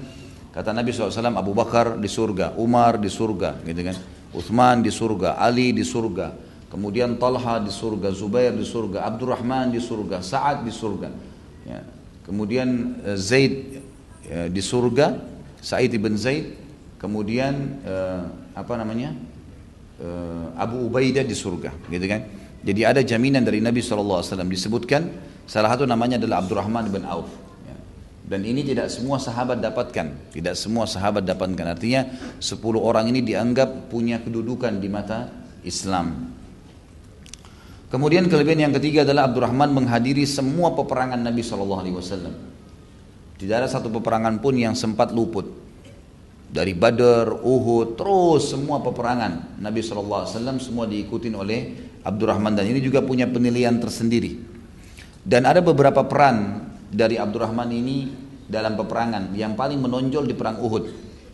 Waktu Nabi SAW sedang terdesak oleh musuh, sempat kita sebutkan bagaimana perannya Talha bin Ubaidillah dulu, gitu kan dan beberapa sahabat-sahabat Nabi yang membela Nabi SAW. Di antaranya Abdurrahman. Abdurrahman sempat waktu Nabi SAW terdesak di Gunung Uhud, kemudian beliau datang dan beliau juga sempat melawan musuh-musuh yang masih menyerang Nabi SAW. Dan ada satu musuh pernah sempat dalam beberapa asar disebutkan ya waktu Nabi SAW jatuh ke dalam sebuah lubang dan ini bisa dilihat di materi sirah saya ceritakan panjang lebar. Jadi ada eh, satu orang dari orang munafik di Madinah menggali lubang-lubang. Dan lubang-lubang ini untuk sengaja menjerat kaum muslimin pada saat mereka lari ke wilayah Uhud. Nabi SAW sempat jatuh dan ada beberapa orang musyrik yang menyerang Nabi SAW. Ada yang melempari dengan batu dan ada satu orang sempat memukulkan pedangnya ke arah Nabi SAW. Ada dua riwayat yang menjelaskan yang pertama pedang itu tertancap di pundak kanan Nabi, gitu kan. Jadi di baju perang tertancap. Artinya bukan cuma kena baju perang tapi kena ke luka beliau, ke tubuh beliau. Dan inilah yang dalam riwayat Bukhari Nabi SAW mengatakan aku mendapatkan sakitnya selama sebulan. Gitu kan. Ini juga pelajaran bahwasanya memang Nabi SAW juga merasakan sakit itu. Gitu kan. Kemudian yang kedua riwayat dikatakan sempat terpukul pedang itu ke topi besi Nabi SAW dan topi besi Nabi Wasallam ini ya uh, kena pedang itu kemudian pedang itu nancap itu kan berarti sangat keras pukulan itu dan sempat membuat kepala beliau Wasallam berdarah. Nah waktu itu para sahabat lagi sibuk melawan musuh-musuh ini termasuk Abdurrahman yang pada saat Nabi SAW diangkat dikeluarkan dari lubang oleh beberapa sahabat di antaranya Abdurrahman ya, beliau merasa prihatin melihat pedang tersebut karena menancap maka beliau sempat ingin menarik dengan tangannya nggak bisa. Maka Abdurrahman radhiyallahu anhu menggunakan cara yang unik. Beliau memegang dengan kedua tangannya dan juga menggigit pedang itu sampai membuat giginya rontok, gitu kan.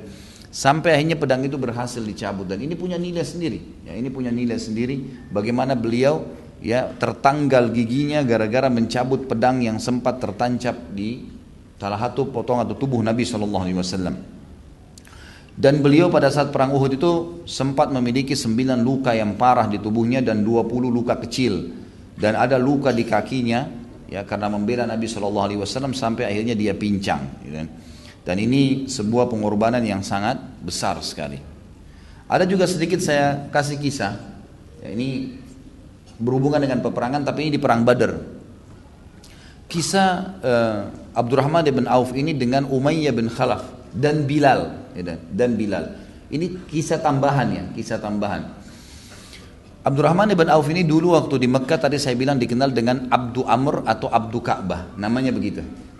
Waktu kaum muslimin di perang Badar memenangkan peperangan, memenangkan peperangan, maka salah satu pemimpin-pemimpin orang kafir itu namanya Umayyah bin Khalaf. Umayyah bin Khalaf ini nggak bisa lari dari medan perang karena kudanya lepas dan tubuhnya terlalu besar, orangnya gemuk sekali. Umayyah bin Khalaf ini adalah tuannya Bilal waktu di Mekah. Jadi yang taruh batu panas di dadanya Bilal, yang seret di padang pasir, yang cambuk, ini Umayyah bin Khalaf nih. Nabi SAW pernah memberitakan kepada sahabat, waktu pertama hijrah ke Madinah, kalian akan membunuh Umayyah bin Khalaf. Gitu kan? Umayyah bin Khalaf ini berteman dengan satu sahabat yang terkenal tadi, Sa'ad bin Rabi' ya, yang nanti bersaudarakan dengan muhajir gitu kan? Berteman dekat. Jadi kalau Umayyah ke Madinah datang ke rumahnya saat kalau saat ke Mekah maka saat ke rumahnya Umayyah. Waktu seluruh muslimin sudah hijrah saat ini kepala suku di Madinah terkenal. Dia kebetulan lewat Mekah dan dia mampir. Umayyah jamu kata saat wahai Umayyah kalau sudah kosong sekitar Ka'bah beritahukan karena saya ingin tawaf gitu. Lalu kata Umayyah baiklah. Lalu Umayyah pergi kumpul sama teman-temannya di Daruna dua di sekitar Mekah. Ini setelah seluruh muslimin hijrah. Dan siapa pun muslim yang datang maka halal darahnya mereka bunuh. Tapi Umayyah ini tahu kalau saat teman dekatnya nggak mungkin dia bunuh gitu. Dan ini kepala suku di Madinah. Kebetulan kepala suku uh, Aus ya yang sangat terkenal dengan keberanian-keberanian mereka. Nanti kiprah-kiprahnya di, setelah masuk Islam itu sangat luar biasa di peperangan. Ringkas cerita adalah saat mengatakan Abu Umayyah melihat malam hari sudah kosong Ka'bah, dia bilang sama Sa'ad, "Wahai Sa'ad, sekarang sudah kosong kalau kamu mau tawaf, silahkan." Dia bilang, "Baiklah." Pergi bersama berdua dan pada saat itu awal malam kurang lebih kita sekarang jam 11 malam. Ka'bah sudah kosong tapi penuh dengan berhala-berhala pada saat itu. Baru mau tawaf, Abu Jahal datang. Abu Jahal ini Fir'aunnya umat yang sangat membenci Islam. Lalu kemudian dia bilang kepada Umayyah, wahai Umayyah siapa yang bersama kamu? Kata Umayyah ini Sa'ad bin Rabi, pimpinan Aus dari Madinah. Abu Jahal langsung marah mengatakan, wahai Sa'ad beraninya kau injakkan kakimu di Mekah. Kau tahu kami akan membunuhmu. Kata Sa'ad, wahai Abu Jahal, kalau seandainya waktu itu dipanggil Abu Hakam ya, tapi muslimin memanggil Abu Jahal.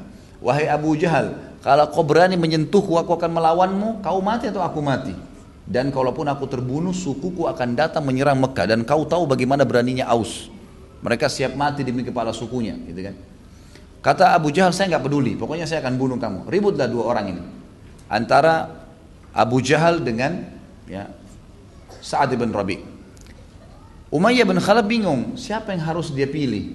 Dua-dua temannya, tapi dalam riwayat ini tiba-tiba kecenderungan hatinya tertuju kepada Abu Jahal. Lalu dia bilang kepada Sa'ad, wahai Sa'ad, jangan kau angkat suaramu. Ini bahasa Arab ini seperti itulah, ini punya bobot, artinya dia marah. Jangan kau angkat suaramu di depan ya Abu Abu Hakam, Abu Hakam maksudnya Abu Jahal karena dia pemimpin lembah ini. Saat merasa tersinggung, kok sahabat malah tidak dibela, gitu kan? Kata Sa'ad, Hai Umayyah, mulai sekarang persahabatan kita putus dan perlu kamu tahu, kalau Nabi kami Muhammad SAW telah menyampaikan kepada kami bahwasanya kami akan membunuhmu satu waktu. Ini waktu awal-awal hijrah, gitu kan. Lalu Umayyah bin Khalaf ini kaget. Dia bilang, Muhammad mengatakan kalian akan membunuhku. Kata saat iya. Waktu itu subhanallah Umayyah ini benci sama Islam, tidak mau masuk Islam. Tapi dia tahu Nabi SAW orang yang jujur, tidak mungkin dusta. Kata Umayyah, demi Allah Muhammad gak pernah dusta. Tapi apakah memang diberitahukan saya akan kalian bunuh di mana? Kata saat tidak ada informasi, tapi informasi saja kami akan membunuhmu satu waktu. Lalu Umayyah ini dalam kondisi menangkap berita tersebut ketakutan, dia meninggalkan saat dengan Abu Jahal yang lagi ribut nih. Dia pulang ke rumahnya lalu dia berkata kepada istrinya, wahai istriku, tahukah apa yang dikatakan saat kepadaku? Kata istrinya tidak. Katanya Muhammad menginformasikan kepada pengikutnya, kalau pengikutnya akan membunuhku. Kata istrinya yang kafirah juga ini berkata demi Allah Muhammad gak pernah dusta. Jadi dia tahu kalau ini benar gitu kan. Demi Allah Muhammad gak pernah dusta. Tapi apakah diberitakan kau akan dibunuh di mana? Kata Umayyah gak pernah. Kata saat tidak ada gitu kan. Tapi saya janji sama kau istriku, saya tidak akan keluar dari Mekah. Subhanallah, tiga bulan setelah kasus ini, saat Ibn Rabi berhasil. Abu Jahal kena sendirian, rupanya takut juga dia dengan saat gitu kan. Akhirnya dia nggak jadi melawan saat, Lalu saat pun pulang ke Madinah. Tiga bulan setelah itu terjadi kasus perang Badr. Tentu saya tidak ceritakan panjang lebar perang Badr bisa diikuti di YouTube juga. Itu ada kisah sendiri panjang lebar kisah tentang kafilah Quraisy yang dipimpin oleh Abu Sufyan dan terus kemudian ditahan oleh Nabi SAW dengan sahabat-sahabat muhajir umumnya. Karena itu harta-harta para sahabat yang diambil oleh mereka. Jadi harta-harta kaum muslimin di Mekah itu didagangkan di negeri Syam lalu kemudian diambil oleh kepala-kepala suku mereka. Yang paling banyak punya harta di kafilah yang dibawa oleh Abu Sufyan adalah Abu Jahal dengan Umayyah bin Khalaf ini. Tiga bulan setelah itu kejadian tadi ini terjadi kasus perang Badar. Abu Sufyan minta tolong ke Mekah supaya dikirim pasukan lalu Abu Jahal memotivasi masyarakat Mekah untuk ikut berperang membela kafilah mereka. Waktu itu Abu Jahal memotivasi semua orang akhirnya orang banyak bergerak satu-satunya orang kepala suku yang tidak bergerak di Mekah Umayyah bin Khalaf. Duduk dan dia punya 300 personil, itu pasukan intinya Quraisy. Tidak ikut berperang, duduk semua di depannya Umayyah. Lalu Umayyah, lalu Abu Jahal bilang, "Wahai Umayyah, kenapa kau tidak siap-siap? Kafilah kita akan diserang." Kata Umayyah, "Wahai Abu Hakam, kau lupa apa yang saat bilang berapa bulan lalu? Muhammad akan membunuh saya." Gitu kan. Kata Abu Jahal, itu dusta. Kenapa kau percaya? Enggak mungkin. Dia bilang, pokoknya saya percaya. Saya nggak mau keluar. Abu Jahal licik. Abu Jahal pulang ke rumahnya. Dia ambil menyan, ya, dupa yang pada saat itu baunya ditahu nih bau perempuan. Jadi kalau seandainya ada yang laki-laki pakai itu berarti aib, ini banci. Gitu. Begitulah, ini terkenal pada saat itu. Dia pulang diambil uang menyannya istrinya, dupanya istrinya dibakar di arang, terus dia bawa ke dekatnya Umayyah. Dia bilang, "Ya Umayyah, tatayyab. Hai Umayyah nih, pakai nih." Gitu kan. Kata Umayyah, "Kenapa pakai saya parfum perempuan?" Gitu kan. Dia bilang, "Kau kan perempuan, nggak mau berperang." Gitu kan. Maka Umayyah tersinggung, ditepis sama dia arang itu kemudian dia pulang ke rumahnya. Dia bilang, "Istriku siapkan baju perang saya." Kata istri diingatkan, Wahai Umayyah, bukankah Muhammad sudah menjanji mengatakan pada pengikutnya kau akan dibunuh? Bagaimana kau bisa ikut berperang? Pasti kau akan terbunuh. Dia bilang, saya dipermalukan oleh Abu Hakam. Saya akan keluar beberapa langkah dari Mekah, baru saya kembali lagi. Yang penting saya tidak dibilang penakut gitu. Nah. Pada saat itu, keluarlah dia. Istrinya juga sudah berikan pakaian. Subhanallah. Setiap pasukan Quraisy istirahat, setiap istirahat pasti Abu Jahal datangi Umayyah dulu. Hai Umayyah kau berdiri pertama. Terus digiring Umayyah sampai tiba di Badar. Tidak bisa pulang akhirnya, gitu kan? Baik, terjadi peperangan di Badar. Pada saat terjadi peperangan di Badar ini, semua tadi saya bilang pasukan Quraisy banyak yang terkalahkan gitu kan. Ada yang lari ke Mekah. Umayyah ini termasuk yang nggak bisa lari karena kudanya lepas dan dia sangat gemuk. Pada saat dia lagi tidak bisa lari, dia berdiri di kancah peperangan. Ada Abdurrahman bin Auf lewat. Ini saksi bahasan kita di sini. Panjang lebar sebenarnya ini yang saya jelaskan supaya nyambung kisahnya. Abdurrahman radhiyallahu anhu ini lagi ngumpulin pedang, perisai, Ya ini ghanimah harta rampasan perang. Dikumpulin kemudian nanti dibagi rata oleh para pemimpin oleh pemimpin perang. Itu Nabi SAW pada saat itu. Maka si uh, Umayyah lihat Abdurrahman lewat dia panggil Abdu Amr. Abdu Amr namanya tuh di Mekah. Abdurrahman sengaja nggak mau balik gitu kan? Abdu Ka'bah. Nggak mau balik gitu kan? Dipanggil terus gitu nggak mau terakhir akhirnya dilihat tidak mau balik karena Abdurrahman tahu itu sudah bukan namanya Lalu kemudian dipanggil Abdullah, ya, karena ditahu Abdullah. Orang-orang Mekah dulu tidak tahu Ar-Rahman ini namanya Allah. Gitu kan? Mereka menganggap Ar-Rahman ini adalah gurunya Nabi SAW di negeri Syam yang belajar sihir. Gitu. Jadi tidak tahu kalau itu namanya Allah. Mereka bilang begitu. Ringkas cerita, waktu dipanggil Abdullah, Abdurrahman balik. Mengatakan, kenapa Umayyah? Dia bilang, mau nggak kamu? Dapat harta rampasan perang lebih baik daripada pedang yang kamu kumpulin? Kata Abdurrahman, tentu saja. Dia bilang, tawan saya. Kau tahu kedudukan saya di Mekah. Kamu tawan saya, apa yang kau minta suku saya pasti kasih. Abdurrahman bilang, betul juga nih. Gitu kan? Ini kepala suku. Dalam riwayat dikatakan betul nih. Maka Abdurrahman pun mengatakan baiklah. Ditaruh semua pedang-pedang itu, dipegang tangannya Umayyah. Mau dibawa ke Nabi SAW. Mau mengatakan, ya Rasulullah ini Umayyah tawanan saya nih. Gitu kan? Jadi nanti kalau tawanan dia pribadi, Misal seseorang muslim mengalahkan orang kafir jadi tawanannya, maka itu nanti tebusannya punya dia, gitu kan? Jadi haknya dia.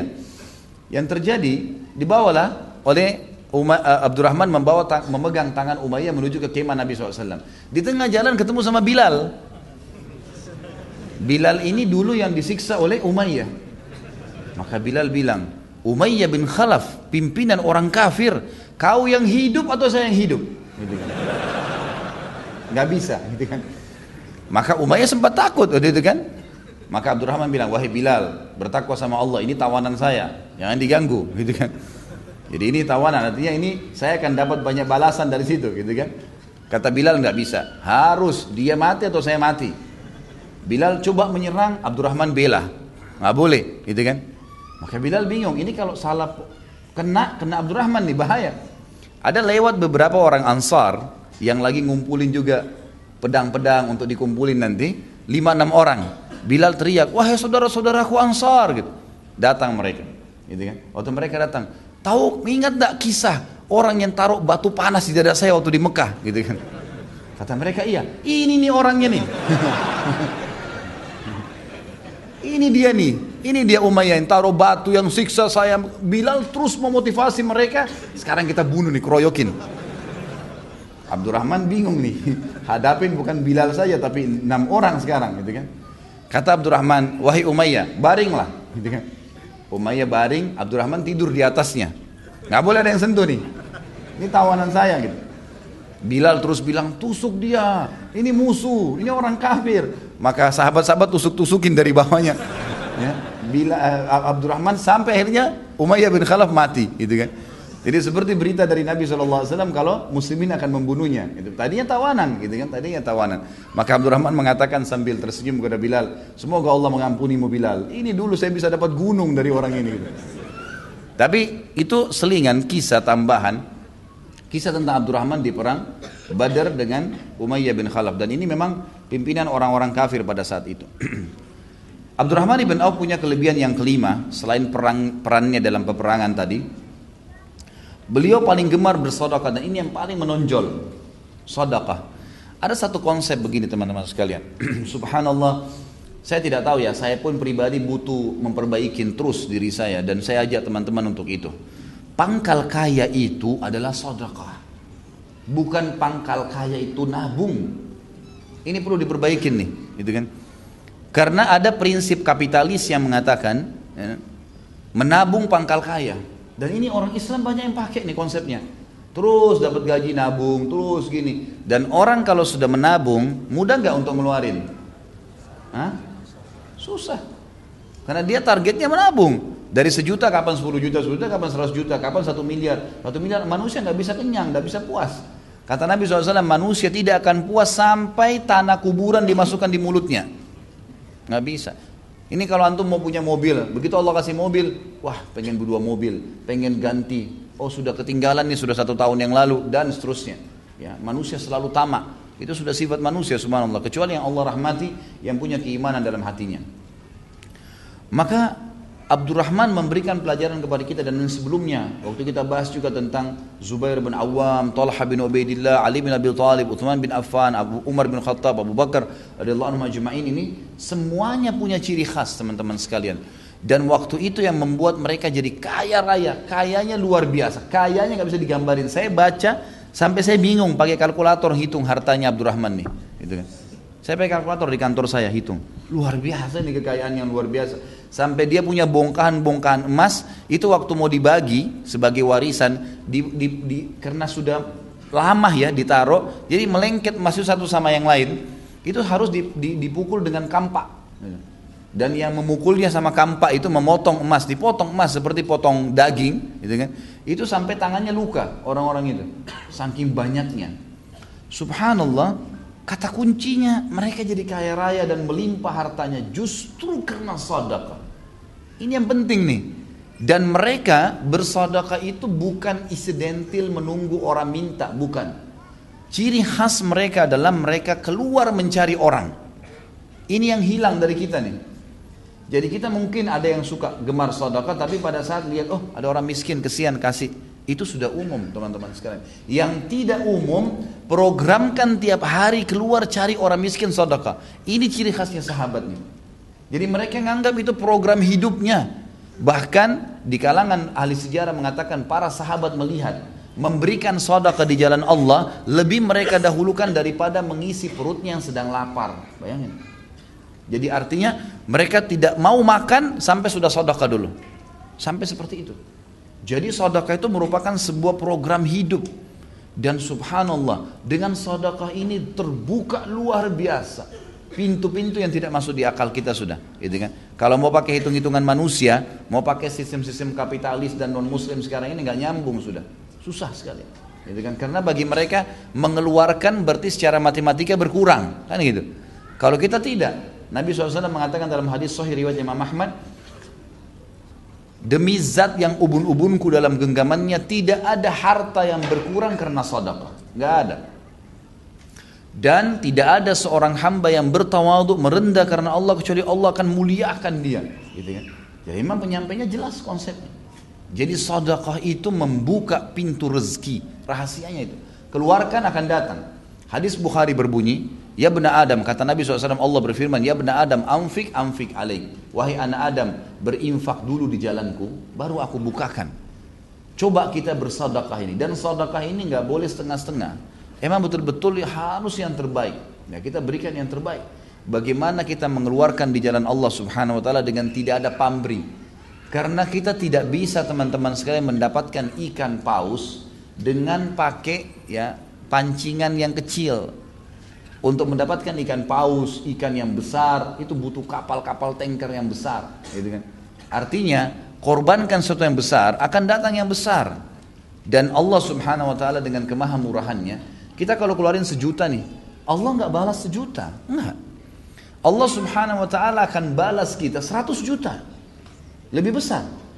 Efek ibadah itu kalau kita kerjakan, balasannya luar berlipat-lipat. Kita sudah tahu balasannya 10 sampai 700 kali lipat. Ini bukan hanya dalam masalah pahala puasa, masalah sholat, tidak. Masalah sedekah itu pasti dijanjikan bisa 10 sampai 700 kali lipat yang dibalaskan.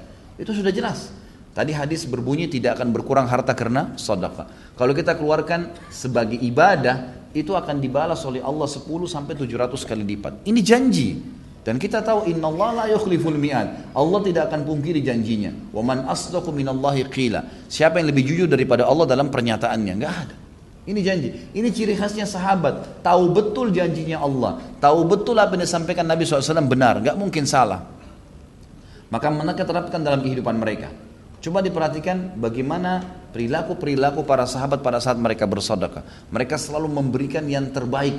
Bahkan yang mereka berikan itu minimal, minimal sama dengan apa yang tertinggal di hartanya. Jadi misalnya mengeluarkan setengah harta, itu minimal perilaku mereka itu. Ya. Jadi ada yang mengeluarkan sampai seluruh hartanya dikeluarkan. Ada yang mengeluarkan minimal setengahnya. Ini luar biasa nih. Mereka selalu melakukan perbuatan tersebut dengan keyakinan ini tidak akan berkurang harta karena bersedekah. Allah subhanahu wa ta'ala akan mengembalikan kepada kita berlipat-lipat ganda. Dan di antaranya bukti nyata Abdurrahman ibn Auf. Abdurrahman radhiyallahu anhu.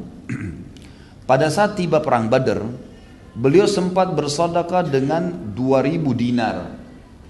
Dan pada saat itu Abdurrahman di perang Badar masih baru memiliki harta 4000 dinar dikatakan. Jadi seluruh uang yang dia miliki itu 4000 dinar. Satu dinar ini teman-teman sekalian kalau kita kurskan di hari sekarang sekitar 1 juta 600 satu dinarnya gitu kan? Ini subhanallah kurang lebih nilainya itu 32 M miliar. Keluarkan di jalan Allah setengah yang kita milikin. Gini ada deh contoh rasional. Teman-teman coba kalau pas lagi di kantongnya sekarang ada 50 ribu dua. Anggaplah uang 50 ribu satu utuh yang 50 ribu kedua itu ada pecahan 10 ribu, 5 ribu, 1000 kemudian lewat celengan masjid, lewat fakir miskin, kira-kira yang mana antum keluarkan? Hah? Kira-kira bisa nggak, mampu nggak melawan jiwa kita untuk menarik yang 50 ribu utuh, bukan pecahan. Yang 50 ribu utuh. Abdurrahman memberikan pelajaran kepada kita teman-teman sekalian. Rasa yang ada secara eksternal dari tubuh dan perasaan yang ada internal dalam tubuh itu ditundukkan untuk Allah Subhanahu wa taala. Luar biasa itu. Jadi ini ditundukkan untuk Allah. Ini penting ya. Rasa takut, rasa suka, rasa sedih, rasa tunduk dan itu semua dikembalikan kepada Allah Subhanahu wa taala. Abdurrahman radhiyallahu anhu memiliki setengah harta dan masih baru menggalang ya usahanya. Maka yang dia keluarkan pada saat dipanggil jihad setengahnya. Langsung 2000 dinar pada saat itu dikeluarkan oleh Abdurrahman. Ia juga menyumbangkan pada saat ya waktu yang lain yang paling sering dia lakukan adalah begitu dapat keuntungan maka dia langsung kalau kita sekarang mungkin mobil pick up ya dia langsung menyiapkan satu ekor unta, tiga ekor unta bahkan disebutkan dalam riwayat yang masyhur tentang beliau beliau sering kali setiap dapat keuntungan pasti membeli unta unta itu dilengkapi dengan kalau zaman dulu tuh memang dilengkapi ada unta khusus untuk mengangkat barang.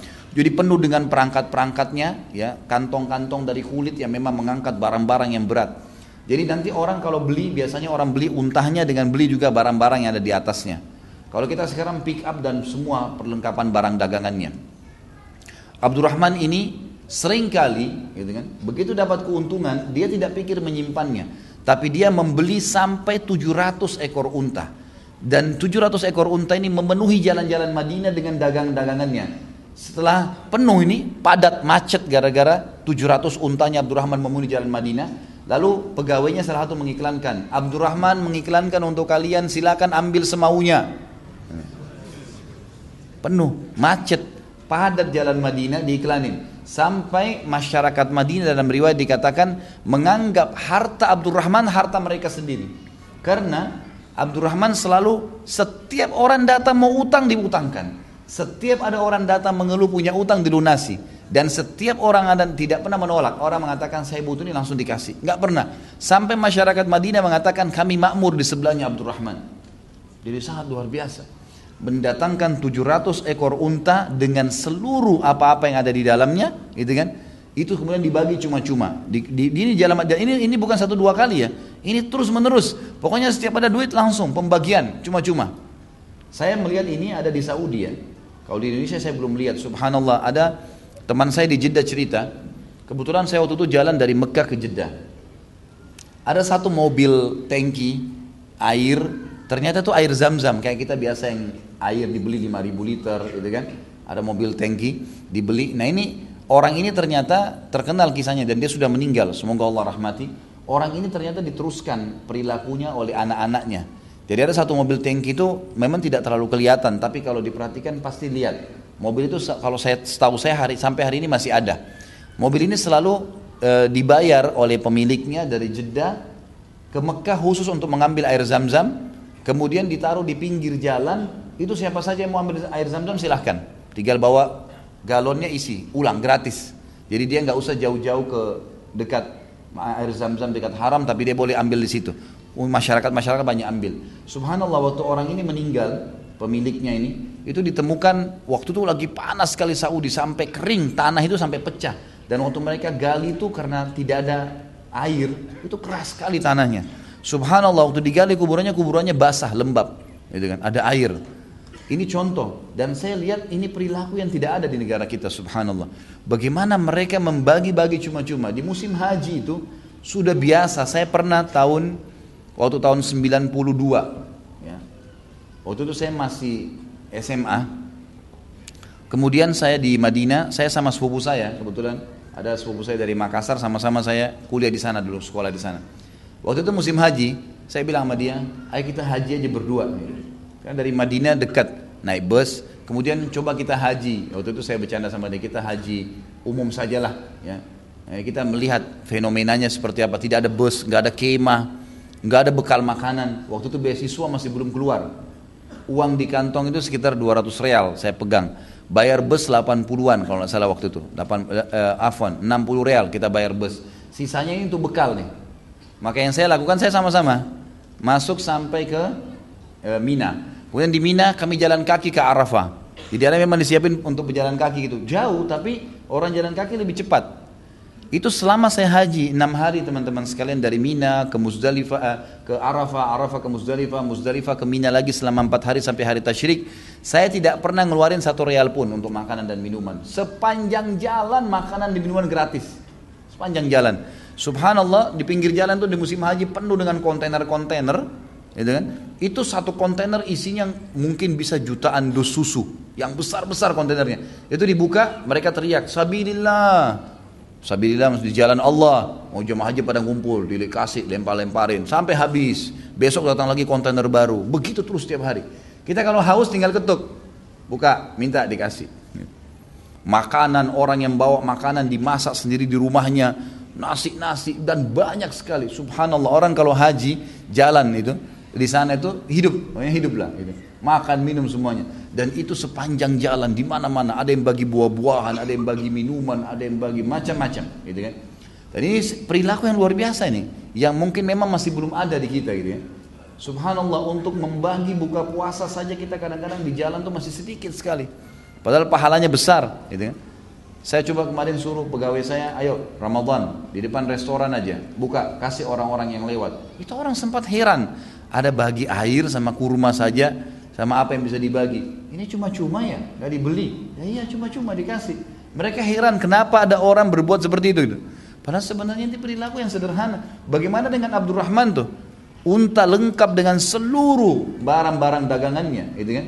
Sebagian ahli sejarah coba lebih dalam membahas satu ekor unta itu bisa mengangkat beban sekitar 60 minimal 60 kilo di kanan dan 60 kilo di kiri jadi 120 kilo beran beban ada yang mengatakan ada jenis unta bisa mengangkat sampai 200 kilo 200 kilo 400 kilo barang dagang barang-barang kebutuhan ya kemudian itu dibagi cuma-cuma habis sudah jadi sedekah itu program hidup luar biasa ya.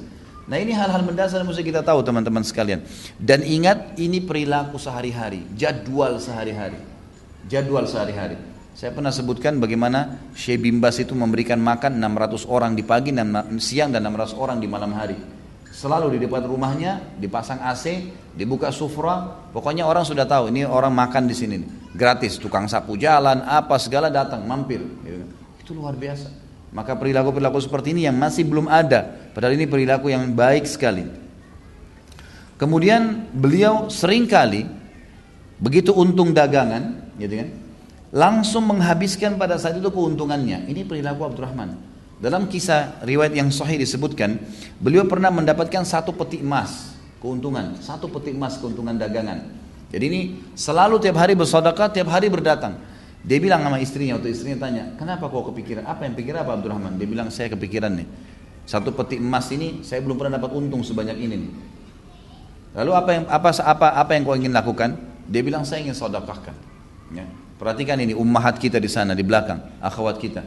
Ini suaminya mau sodakah, keuntungan satu peti emas. Kita ini kalau keuntungan 10 juta saja sudah mau antri di bank, gitu kan? Sudah antri panjang pun siap, yang penting bisa nabung. Subhanallah. Ini datang keuntungan satu peti emas, mau disodakain semua. Ini sodaka. Program pertama sodaka, bukan beli makanan, bukan beli baju. Istrinya juga tidak bilang sebentar, jatah saya mana? Enggak. Saya mau beli emas dulu, saya mau beliin dulu, enggak. Sodakahkan. Ini riwayat sahih menyebutkan waktu disodakahkan oleh Abdurrahman sama istrinya malam itu habis, Besok datang dua peti keuntungan. Nggak masuk di akal. Produk yang sama, jumlah yang sama, harga yang sama, untungnya double. Gimana tuh? Hitungan matematika nggak masuk sudah, nggak bisa. Datang dua peti dalam riwayat dikatakan Abdurrahman sodakahkan. Hari ketiga datang tiga peti. Terus begitu. Terus makin banyak makin banyak sodakahkan makin banyak datang. Dalam Islam sodakah sama dengan kaya. Itu kata kuncinya. Ya, jadi jangan malah terbalik. Ini penting sekali. Dan sodaka itu banyak, makin banyak, makin banyak datang. Responnya harus begitu. Dan datangnya bukan setimpal dengan yang kita keluarin. Keluarin sejuta, datang sejuta. Enggak. Keluarin sejuta, datangnya seratus juta. Itu harus dengan keyakinan. Jadi teman-teman sekalian materi seperti ini. Ini bukan, antum jangan datang di sini, ikhwah dan akhwat ini datang cuma testimoni, mau tes-tes saja. Majelis ilmu enak enggak ya? Rame-rame di blok M dingin ada AC-nya, bukan itu. Ini bukan seremoni, bukan datang ngerame-ngeramein karena diajak teman. Oh sahib ana aja, bukan. Ini untuk antum ambil pelajaran, pulang praktekin. Itu yang penting. Berubah menjadi orang lebih baik. Dan ini manfaatnya, itu akan kita lihat langsung respon. Dan ini akan menambah keimanan ikhwas kalian dan akhwat. Ini fakta lapangannya, dalilnya ada. Contoh historinya, ini yang sedang kita bahas ada. Sodaka akan mendatangkan kekayaan. Itu jelas sekali. Jelas sekali. Maka kenapa kita masih ragu dengan masalah-masalah seperti ini? Abdurrahman bin Auf pernah kedapatan oleh beberapa masyarakat Madinah itu membagi-bagi di jalan 40 ribu dirham. Bagi-bagi cuma-cuma. Datang dia pokoknya keluar dia bagi-bagi. 40 ribu dirham itu sama dengan 2,2 M. Nah, dibagi-bagi. 2,2 M dibagi-bagi coba bayangkan. Gitu kan. Gak bisa nyambung dengan kita ini gimana, tapi luar biasa. Dan dia Abdurrahman dari nol ya, dari tidak punya baju tadi, baju cuma di badan, gak punya istri, jual cangkul pinjam sama orang. Tapi Allah Azza wa Jal buktikan apa yang dia janjikan benar. Abdurrahman begitu dapat sodakah dulu. Sampai saya bilang tadi konsep dasarnya lebih penting mereka sodakah daripada makan. Ini luar biasa ini. Ya. Abdurrahman juga pernah membagi-bagi danahnya, harta yang dia miliki, begitu dapat keuntungan dari dagangannya, 40 ribu dinar, kalau tadi 40 ribu dirham. Ini 40 ribu dinar lebih banyak, itu kurang lebih 6,4 M. Dibagi-bagi, habis semua. Sodaka ini, ini bukan tanggung-tanggung ini. Coba antum sini yang hadir, sudah pernah sodaka 10 juta nggak? Tidak usah bicara 1 M, gitu kan.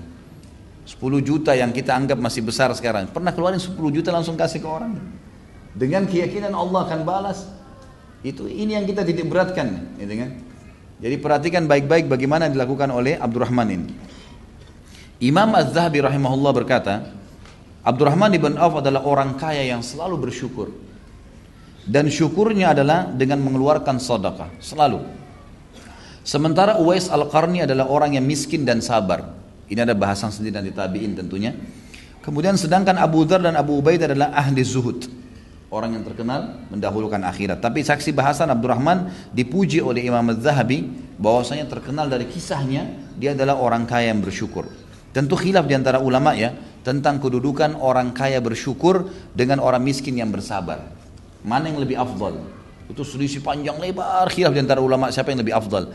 Tapi kesimpulannya kalau saya lihat adalah orang kaya yang bersyukur lebih afdal, gitu kan? Karena dia mendapatkan sodak mendapatkan ya pahala dari sodakahnya.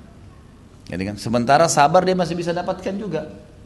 Dan orang miskin tidak bisa mendapatkan masalah sodakah. Dalam hadis Bukhari ada sahabat-sahabat yang datang dan berkata ya Rasulullah sahabat-sahabat kami yang kaya mendahului kami karena kami sholat mereka sholat. Kami puasa mereka puasa. Tapi mereka mendapatkan pahala plus karena memberikan kepada kami bantuan. Sedekahnya gitu kan? Lalu beritahukan kepada kami kata para sahabat amal yang kalau kami kerjakan bisa minimal menyamai pahala mereka. Kata Nabi SAW rutinlah baca subhanallah 33 alhamdulillah Allah Akbar 33 rutin baca itu. Mereka amalkan ternyata sahabat-sahabat Nabi yang kaya dengar gitu kan? Mereka datang kepada Nabi SAW ya Rasulullah kata orang-orang miskin datang lagi ya Rasulullah Sahabat-sahabat kami yang kaya itu dengar juga amalan itu. Dia amalin juga. Kan itu. Maksudnya ini sekarang beritahukan lagi kami amal lain gitu. Kata Nabi SAW apa? Zalika fadlullahi yu'tihi mayyasha. Itu ya karunia Allah yang Allah berikan kepada siapa yang dia inginkan. Teman-teman sekalian, kaya bukan karena kerja di sebuah tempat yang mewah, kaya bukan menjadi pejabat negara, kaya dengan sedekah, ini sodakah nih, keluarin di jalan Allah. Itu penyebabnya. Dan tidak ada hitungan matematikanya nih, kayanya datang. Biar tidak punya usaha, rajin sodakah itu akan kaya. Itu sudah janji. Ini dari tadi saya teriak-teriak ini, kalau sampai keluar sebentar masih ada yang pelit, ini luar biasa. Kalau saya punya cambuk, saya cambuk. Nggak iya. Nggak bisa lagi. Ini sudah kata kunci rahasianya di situ. Sodakah dapat, gitu kan? Itu begitu. Kita kalau lagi makan, satu bungkus makanan enak, coba beli satu bungkus yang sama, nilai yang sama, bawa siapa saja ditemu di jalan kasih, sodokahin langsung. Nilai seperti apa yang kita kasih itu luar biasa. Ada kepuasan diri, pahalanya ada dan penyebab datangnya rezeki. Dan kalau kita kasih satu bungkus jalan Allah, Allah nggak kasih kita satu bungkus teman-teman sekalian. Bisa sebulan antum ditraktir sama teman-teman nanti. Balasannya efeknya besar. Karena semua ibadah yang kita kerjakan itu efek balasannya dari Allah besar. Coba sholat duha. Kata Nabi SAW, di dalam tubuh manusia ada 360 sendi. Setiap hari harus manusia sedekah sebagai tanda syukur kepada Allah. Dan dua rakaat sholat duha menggantikan sedekah 360 sendi. Berimbang nggak? 10 menit sholat, gitu kan? Atau 5 menit sholat dengan sedekah untuk 360 sendi. Berapa harganya sendi kita ini? Kalau satu sendi rusak, sendi jari aja, coba tanya teman-teman kalau ada yang dari medis nih, berapa kira-kira? Sejuta? 2 juta, 10 juta satu sendi. Ini baru sendi kecil. Bagaimana kalau sendi semuanya? Anggap sejuta satu sendi. Kita harus sodaka 360 juta per hari. Tapi Allah ganti dengan dua rakaat sholat duha. Nggak berimbang. Kalau sama Allah nggak ada hitung-hitungannya teman-teman sekalian. Nggak ada kalkulatornya sama Allah ini. Buang jauh-jauh hitungan antum yang biasa antum pakai di komputer, pakai di HP, itu jauh sama Allah nggak ada itu. Dalam hadis muslim siapa yang puasa sehari di jalan Allah Sunnah atau wajib Allah jauhkan dia dari neraka 70 tahun. Nggak berimbang puasa sehari dengan 70 tahun Nggak bisa. Sama dengan memberikan makan satu bungkus Memberikan satu lembar baju Bukan seperti itu balasannya. Berlipat-lipat datang. Sadaqah penyebab kaya Bukan ijazah gitu kan Ini harus difahamin Berapa banyak orang jadi sarjana miskin Minta-minta di jalan gitu kan tapi ini sodokahnya yang harus dihidupkan. Kemudian kita lihat di sini ia juga membagikan hartanya untuk veteran Badr. Di satu waktu Abdurrahman bilang iklanin saya mau khusus yang masih hidup dari yang pernah ikut Badr. Jadi Badr ini punya kelebihan sendiri teman-teman sekalian ya. Karena orang Badr uh, orang yang ikut perang Badr ini termasuk Abdurrahman punya manakib di sini, punya kelebihan karena beliau hadir di Badr. Khusus orang Badr itu yang pegang buku, bukunya ada di halaman 446 ya. Allah Subhanahu wa taala berfirman, "I'malu ma syi'tum" ya, faqad ghafara faqad ghafara faqad ghafartu lakum kata Allah. Berbuatlah semau kalian karena aku telah mengampuni dosa-dosa kalian. Semua yang hadir di Badar diampuni dosanya. Kata sebagian ulama tafsir, walaupun ada orang yang pernah ikut Badr, setelah Badr dia bermaksiat asal dia tidak murtad, Allah langsung ampuni. Karena di zaman Umar bin Khattab pernah ada satu ahli Badr, itu subhanallah berjalan waktu, zaman khilafahnya Umar, tapi saya lupa namanya orang ini masyhur kisahnya. Kemudian dia mabuk, sempat lalai, mabuk di Irak. Ya. Ketahuan, si fulan mabuk. Umar bin Khattab menerapkan orang mabuk 80 jerah dicambuk. Gitu kan. Waktu Umar disampaikan si fulan pernah hadir di Badr, mabuk, kata Umar jangan dicambuk. Kata mereka kenapa ini anda beda-bedakan? Dia bilang bukankah kalian dengar firman Allah wa qul malu ma syi'tum faqad ghafartu lakum. Allah sudah bilang untuk ahli Badar semua yang pernah hadir berbuat semua kalian Allah sudah ampuni. Khusus Badar nih.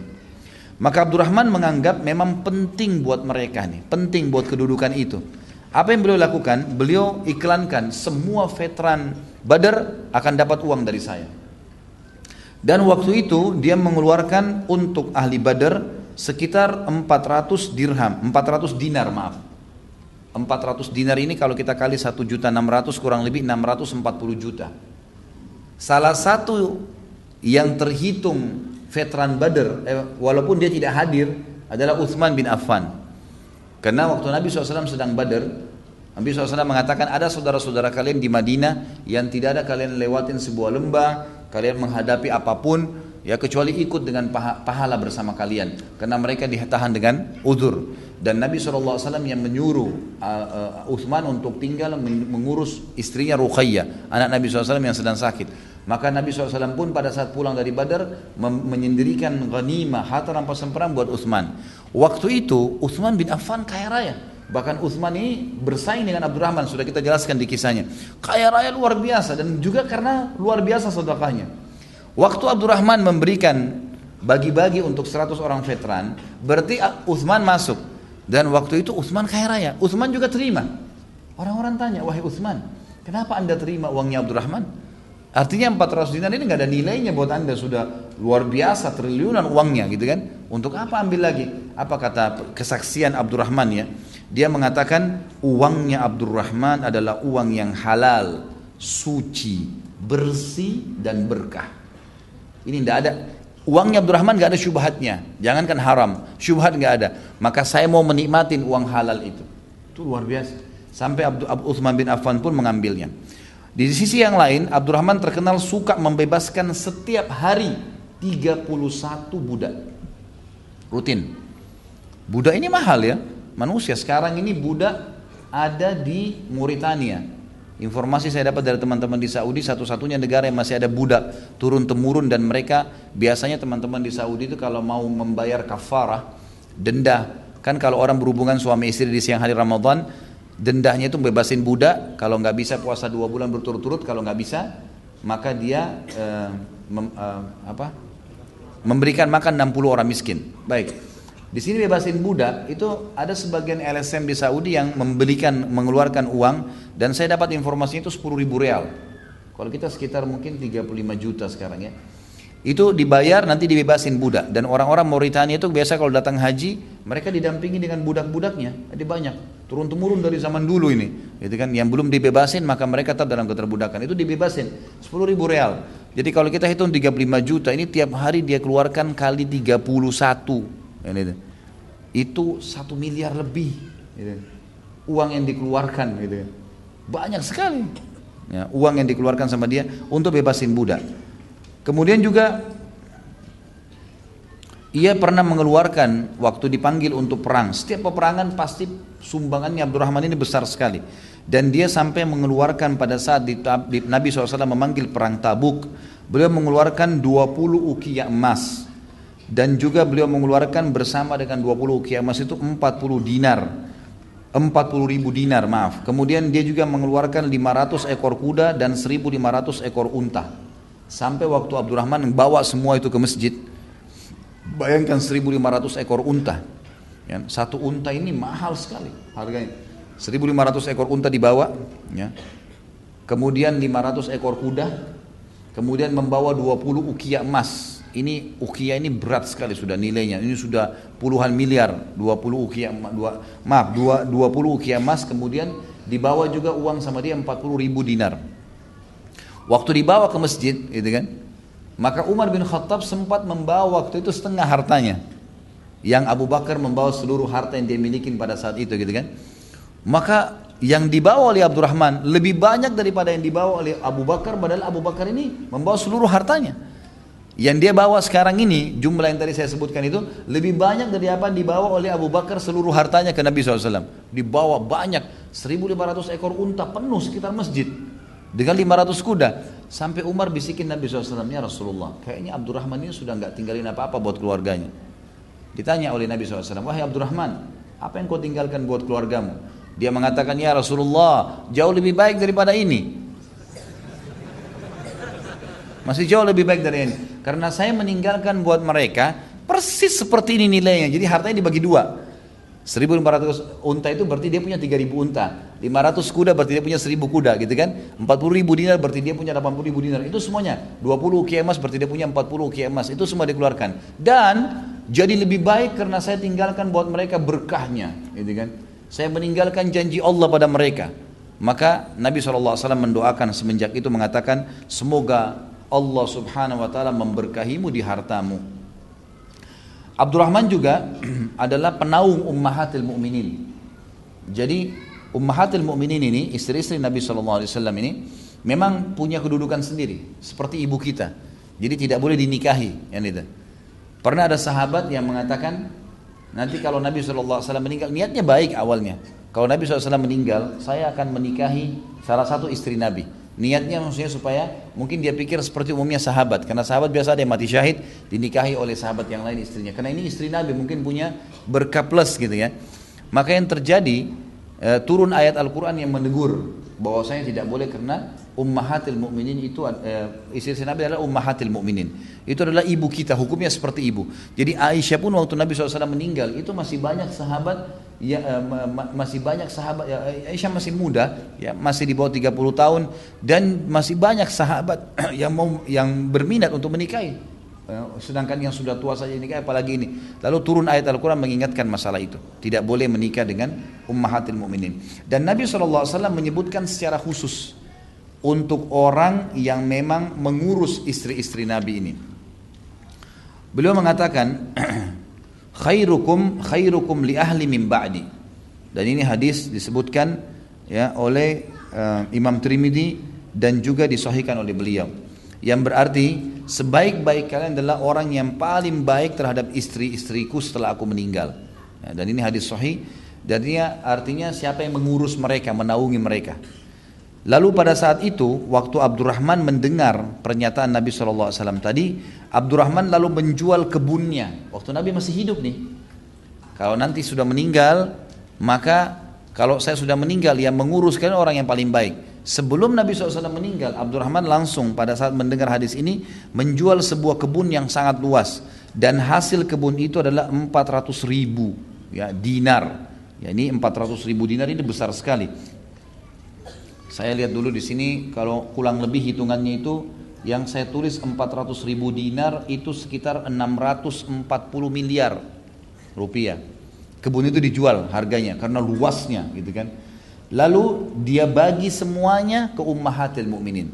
Khusus buat istri-istri Nabi saja. Gitu kan. Ini yang dilakukan. Dan Abdurrahman bin Auf setelah meninggalnya Nabi SAW terus menaungi ummahatil mukminin. Ya, dan selain ini istri-istri Nabi juga ada hadis Nabi yang berbunyi siapa yang mengurus janda-janda gitu kan dan anak-anak yatim maka mereka sama dengan mujahid di jalan Allah. Maka Abdurrahman bin Auf menemani um, menemani ummahatil mukminin pada saat haji kemudian memenuhi kebutuhan-kebutuhan rumah mereka. Pokoknya semua yang membutuhkan ummahatil mukminin ini semua dipenuhi oleh Abdurrahman radhiyallahu anhum.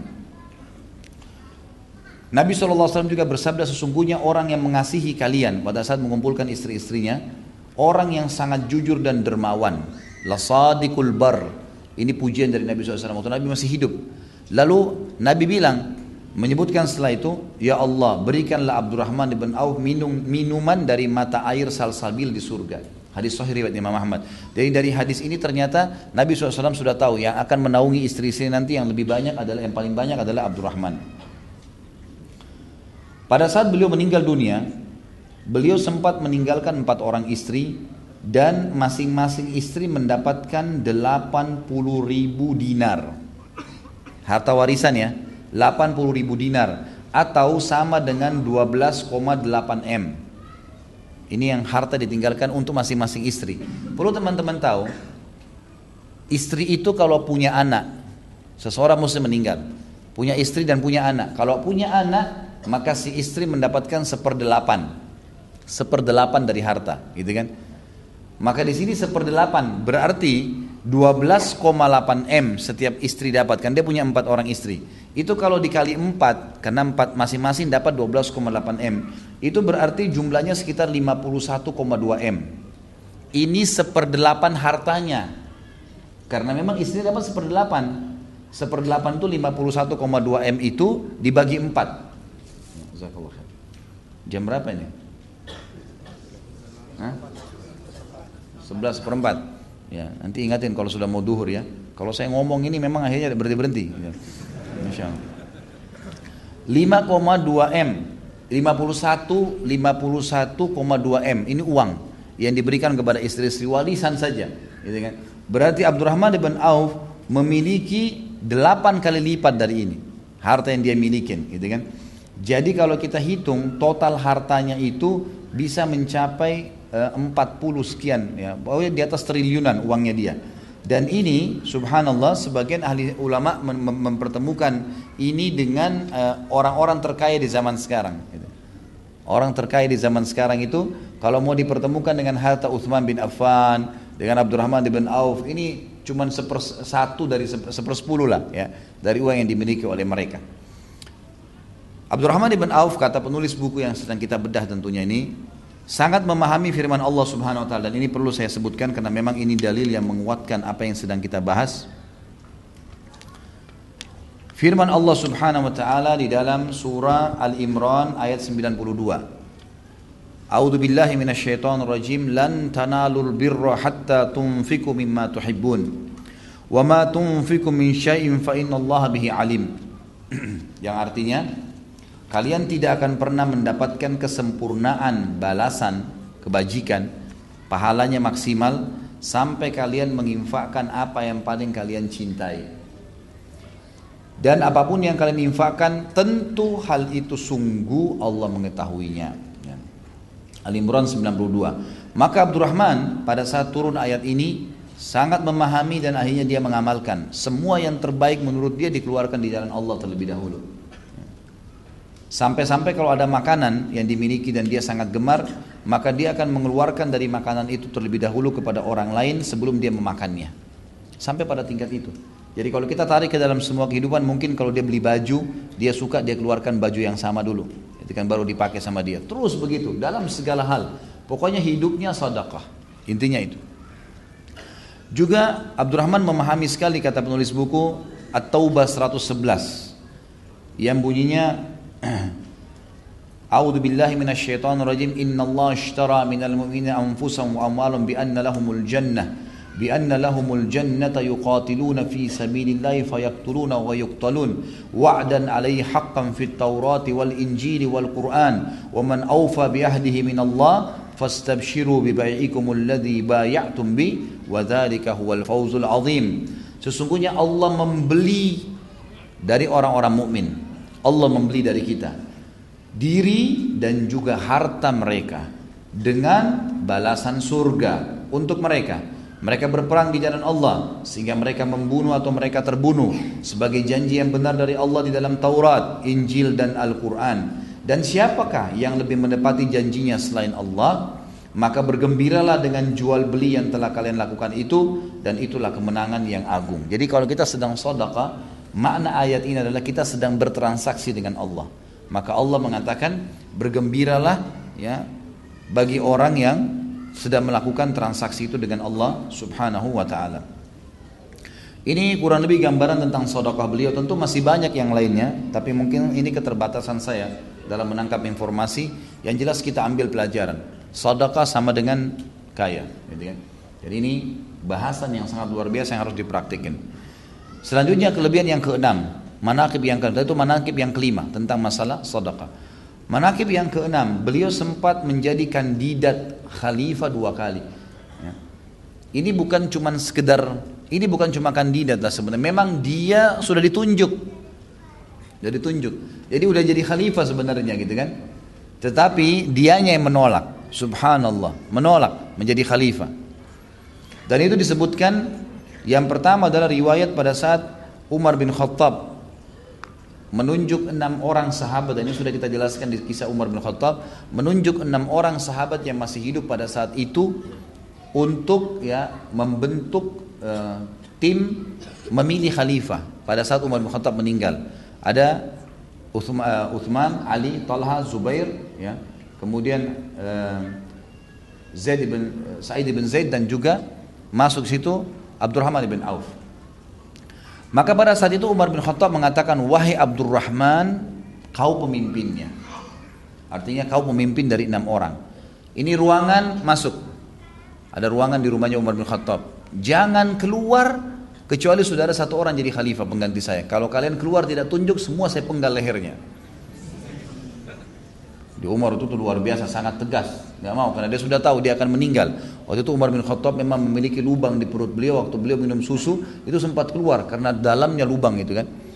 Maka beliau menunjuk seperti itu dan kata para ahli sejarah sebenarnya waktu Umar mengatakan dan kau wahai Abdurrahman pemimpinnya itu isyarat dari Umar Umar pilih dia sebagai khalifah.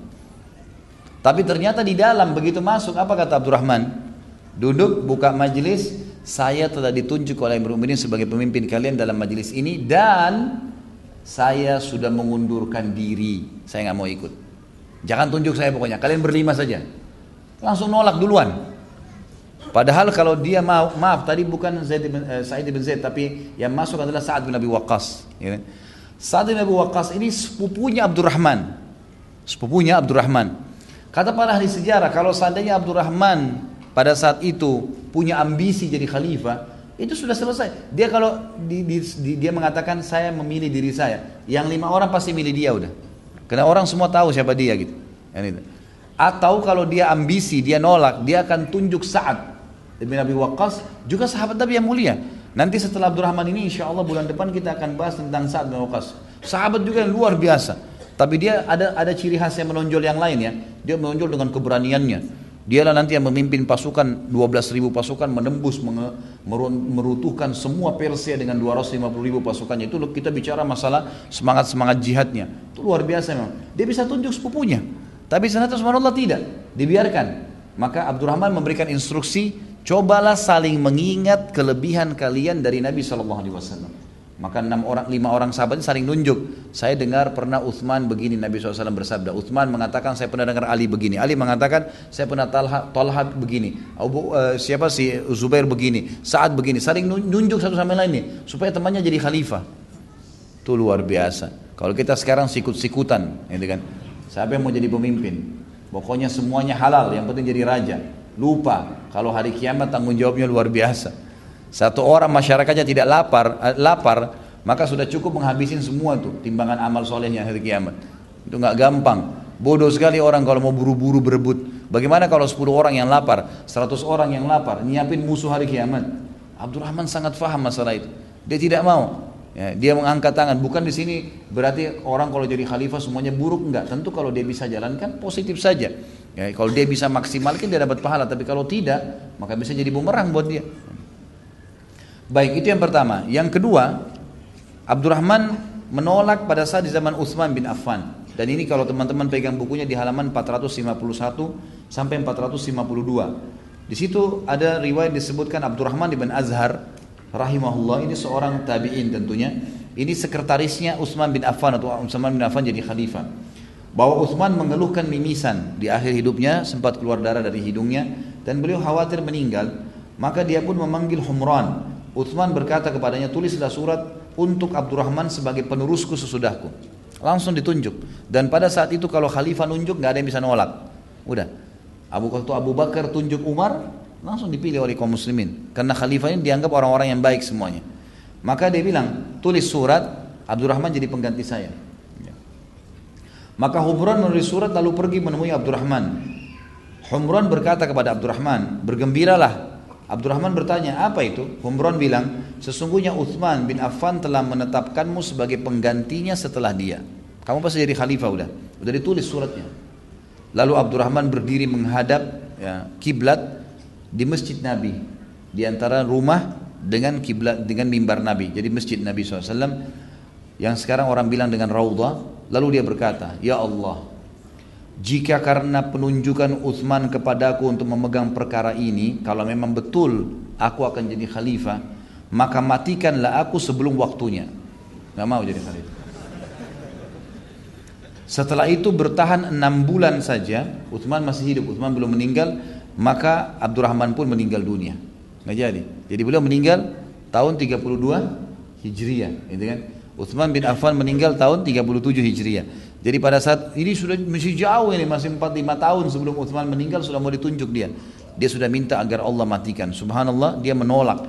Kata Imam Az-Zahabi, Termasuk perbuatan terbaik Abdurrahman ialah ia menarik diri dari perkara khilafah pada saat musyawarah di zaman Umar bin Khattab. Abdurrahman memilih untuk umat siapa yang disepakati oleh ahli halli wal aqd. Ini maksudnya kelompok ya, yang tadi untuk tim untuk bermusyawarah itu dikenal dengan ahlul halli wal aqd. Di sini Abdurrahman berupaya dengan sangat baik guna menyatukan umat kepada Utsman. Seandainya Abdurrahman berambisi dalam hal ini, niscaya dia memilih untuk dirinya sendiri atau dia akan memberikan kepada sepupunya dan orang yang paling dekat dengannya itu Sa'ad bin Abi Waqqas. Jadi ini sebuah kelebihan yang luar biasa. Baik. Yang ketujuh, beliau sangat tawadhu. Tawadhu berarti merendah, ya. Jadi di sini kita perlu ketahui juga ya, dalam Islam beda sekali dengan konsep ya orang-orang non-muslim. Bukan orang jalan mengangkat, membusungkan dadanya, membunyikan suara sepatunya, gitu kan? Menunjukkan kehebatan jam tangannya, merek celananya, itu dianggap hebat dalam Islam. Itu terhina. Karena kata Nabi SAW, siapa yang dalam hatinya ada seperti biji sawi dari kesombongan tidak akan cium bau surga, bukan masuk, cium aja enggak. Sebaliknya, siapa yang bertawadu justru merendah karena Allah, jalan biasa sajalah. Bukan juga terlalu bungkukkan badan tidak, jalan biasa saja. Tidak ada kesombongan di situ. Kecuali Allah akan tinggikan kedudukannya. Jelas. Dalam hadis ini dikatakan siapa yang tawaduk sekali untuk Allah, Allah tinggikan derajatnya di surga. Terus sampai dia akan dicatat sebagai orang yang menghuni surga yang tertinggi Firdaus. Uthman bin Auf, uh, Abdurrahman bin Auf ini memiliki sifat tawadu yang sudah masyhur. Belum memiliki ribuan budak, ribuan pegawai dan ada ribuan pegawai, ada ribuan budak. Budak ini selalu dibeli sama Uthman, sama, Abdurrahman, beli seribu budak, dua ribu budak. Kemudian tiap hari dibebasin, dibebasin, tiap hari dibebasin. Jadi amal soleh buat dia, dibebasin terus gitu. Dia kalau lagi jalan sama budak-budaknya, lagi jalan di Madinah, Kata para sahabat kami tidak bisa bedakan Abdurrahman dengan budak-budaknya. Bajunya sama, jalan sama-sama dengan mereka, gitu kan? Subhanallah kadang-kadang orang baru jadi direktur perusahaan itu pun bukan perusahaannya dia. Sudah luar biasa. Gak boleh jalan dia kalau belum nggak boleh pegawainya jalan di situ. Gitu kan. Parkir mobilnya harus khusus. Mohon maaf saya sekalian ingatkan ini subhanallah banyak sekali pemimpin kita sekarang. Semoga Allah berikan hidayah. Saya tidak jenguk siapa pun ya. Lagi macet dia boleh jalan duluan. Bagaimana ini? Dari mana hukumnya itu? Subhanallah, itu kan? Bukankah sebenarnya pemimpin itu dalam agama dikatakan khadimul ummah? Mereka itu sebenarnya pembantu-pembantu umat, pembantu masyarakat. Mustinya mereka justru membuat itu hilang macetnya, gitu kan? Baru kemudian mereka jalan. Harusnya begitu. Ini enggak, malah dimarahin, malah ditegur, malah di ini. Ya, kadang-kadang ada mobil orang yang dipukul karena nggak mau pindah agar dia lewat. Subhanallah. Ini bagaimana ini gitu? Ini hilang tawaduknya, bahkan bisa terbawa dalam ansur kesombongan, gitu kan? Berbahaya sekali. Abdurrahman terkenal dengan ciri ini juga. Kemudian kelebihan yang kedelapan, Nabi SAW pernah sholat di belakang beliau. Dan ini terjadi pada saat perang tabuk. Tentu Nabi SAW ya sebagai Nabi itu selalu jadi imam, selalu jadi imam, gitu kan? Dan tradisi di dalam uh, kehidupan Nabi SAW, Abu Bakar, Umar, Uthman, Ali, Khulafaur Rashidin ini, itu pemimpin pasti jadi imam lima waktu sholat dan juga menjadi khatib Jumat selalu. Gitu kan? Mustinya, mustinya, idealnya presiden kita ini itu menjadi imam di istiqlal setiap lima waktu sholat. Mestinya dalam Islam begitu. Subuh, duhur, asar, maghrib, isya. Gak bisa ngaji ya, jangan dipilih mustinya. Harus bisa ngaji. Karena harus jadi imam. Gitu kan? Contoh dari Nabi SAW itu selama hidup beliau beliau jadi imam. Kemudian juga Abu Bakar begitu, Uthman, Umar begitu, Uthman begitu, Ali begitu, Khulafaur Rashidin. Dan Nabi mengatakan berpeganglah pada sunnah dan sunnah Khulafaur Rashidin setelahku. Saya ajak teman-teman nonton kriteria pemimpin. Ada ceramah saya di YouTube itu. Dua jam saya bicara masalah itu dan bagaimana ciri-ciri pemimpin dalam Islam. Tapi yang jelas, ya, pernah Nabi SAW di perang Tabuk di sholat subuh Ternyata beliau membutuhkan memperbaharui uduk beliau. Maka beliau pun keluar dari kemah cukup jauh dan zaman dulu tuh orang tidak ada kamar mandi, maaf, WC di dalam rumah, apalagi dalam perjalanan di kemah ya. Jadi orang keluar ke padang pasir. Nabi SAW punya hajat, kemudian beliau perbaharui uduknya waktu beliau kembali karena mungkin lama dan ini di dalam peperangan ya, dalam peperangan Tabuk, maka orang-orang menunggu khawatir subuh lewat menyuruh Abdurrahman maju jadi imam. Maka Abdurrahman pun akhirnya maju jadi imam dan pada saat itu ada sahabat-sahabat Nabi yang lain. Abdurrahman yang ditunjuk oleh sahabat-sahabat umumnya. Abdurrahman jadi imam. Ternyata Nabi SAW datang, itu sudah masbuk satu rakaat. Nabi ikut di saf belakang. Begitu selesai salam, sahabat-sahabat salam mereka melihat Nabi SAW berdiri, mereka semua bertasbih. Subhanallah, ini takut salah nih. Gimana caranya Nabi yang tidak jadi imam gitu kan? Begitu Nabi begitu Nabi SAW salam, Nabi berdiri lalu Nabi mengatakan ahsantum. Benar yang kalian lakukan. Udah benar. Tapi ini ulama memberikan sebuah kelebihan sendiri buat Abdurrahman karena dia jadi imam. Jadi tidak ada orang yang sembarangan bisa jadi imam ya eh, apa di, di belakang itu Nabi yang sholat. Karena pasti Nabi yang jadi imam. Makanya dalam hadis tentang Imam Mahdi juga kan disebutkan itu. Kelebihannya karena nanti Nabi Isa akan sholat jadi makmum di belakangnya. Kemudian yang kesembilan kelebihannya adalah beliau seorang fakih. Beliau sangat faham tentang hukum-hukum agama dan cukup banyak hadis-hadis yang disebutkan dari Abdurrahman di antaranya hadis yang masyur tentang orang kalau lupa jumlah rakaat gitu kan hadis ini kalau yang pegang bukunya ada di halaman 444 ya di halaman 444 itu ada disebutkan hadisnya. Saya sebutkan hadisnya di sini. Waktu itu Ibnu Abbas berkata ia berkata kami duduk bersama Umar. Lalu kami berkata eh, lalu dia berkata kepadaku kepada Umar berkata kepada Ibnu Abbas radhiyallahu anhu ajma'in apakah engkau mendengar sesuatu dari Rasulullah sallallahu alaihi di mana beliau memerintahkan seseorang muslim ketika dia lupa dalam sholatnya? Apa yang harus dia lakukan? Aku menjawab kata Ibnu Abbas. Padahal Ibnu Abbas ini adalah seorang ulama dikenal dengan hibrul ummah ya artinya memang ulamanya umat ini aku menjawab tidak demi Allah Apakah, engkau wahai Amir Mukminin juga tidak mendengar saudara Rasulullah dalam hal ini? Maka kata Umar tidak demi Allah. Jadi ini zaman Umar bin Khattab ya. Jadi dua sahabat ini dua-duanya belum tahu informasi tentang hadis orang yang lal, kalau lalai sholat apa yang harus dia lakukan. Ibnu Abbas berkata radhiyallahu anhu ketika kami dalam keadaan demikian bingung ingin mencari tahu tentang hadis Nabi ini, datanglah Abdurrahman bin Auf dan bertanya, "Kalian sedang apa?" Umar menjawab, "Aku bertanya kepadanya." Ya. Lalu Umar menyampaikan, ya maksudnya di sini Abdurrahman bertanya dan Umar akhirnya menjelaskan. Abdurrahman menjawab, aku mendengar Rasulullah SAW memerintahkan sesuatu dalam hal ini. Umar bertanya, engkau di sisi kami adalah orang yang adil. Apa yang engkau dengar? Abdurrahman menjawab, aku mendengar beliau bersabda, ida saha ahadukum fi salatihi hatta la yadri azada am naqas, fa in kana syakka fil wahida fa'tintaini, eh, eh, fal-yaj'alha wahida wa idza syakka fi thintaini aw thalath falyaj'alha thintain wa idza syakka fi thalath wal arba'a falyaj'alha thalathan hatta yakuna al wahmu fi ziyada." thumma يسجد سجدتين وهو جالس قبل أن an ثم thumma. Jika salah seorang dari kalian lupa di dalam sholatnya sehingga dia tidak mengetahui apa yang dia, apakah dia menambah atau kurang, kurang atau lebih nih rakaatnya. Jika dia ragu apakah dia berada di rakaat pertama atau rakaat kedua, maka hendaklah dia menjadikannya rakaat pertama. Dua atau satu nih, kembali ke satu. Ambil yang jumlah lebih sedikit. Jika dia ragu apakah berada di rakaat kedua atau ketiga, maka dia memilih yang kedua atau rakaat kedua. Jika dia ragu apakah rakaat ketiga atau rakaat keempat, maka dia memilih rakaat ketiga agar keraguannya ada pada tambahan. Kemudian sujud sahwi dua kali dalam keadaan duduk sebelum salam, lalu dia salam. Imam Az-Zabi berkata sekalipun para sahabat Rasulullah SAW adalah orang-orang yang adil Tapi sebagian dari mereka lebih adil dan lebih akurat daripada yang lainnya. Dalam kasus ini Umar bin Khattab merasa mantap dan lebih merasa cocok dari berita, secara berita dengan Abdurrahman Dan ini disebutkan dalam riwayat Imam Ahmad.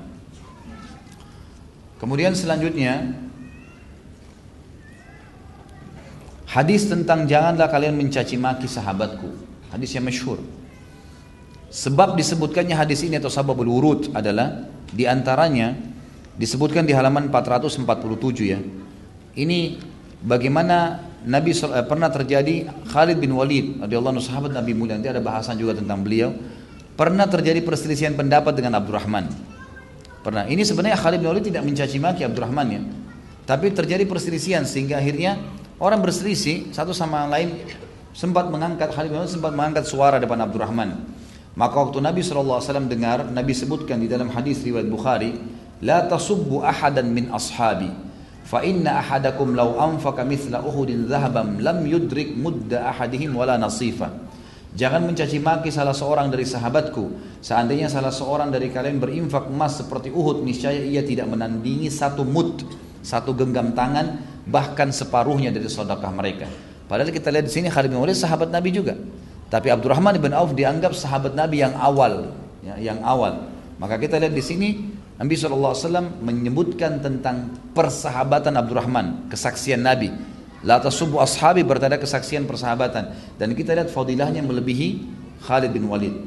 Juga dalam hadis yang lain Nabi SAW mengatakan di dalam hadis riwayat Al-Bazzar dan juga riwayat ini dianggap semuanya thiqah. Bahkan hadis ini diriwayatkan Imam Muslim kata Nabi SAW da'u li ashabi usayhabi fa inna ahadakum law anfaqa mithla uhudi dhahaban lam eh, mithla uhudin dhahaban lam yudrik ahadihim wala nasifa Tinggalkan para sahabatku dan para sahabat kekasihku atau atau sahabat-sahabatku walaupun mereka muda.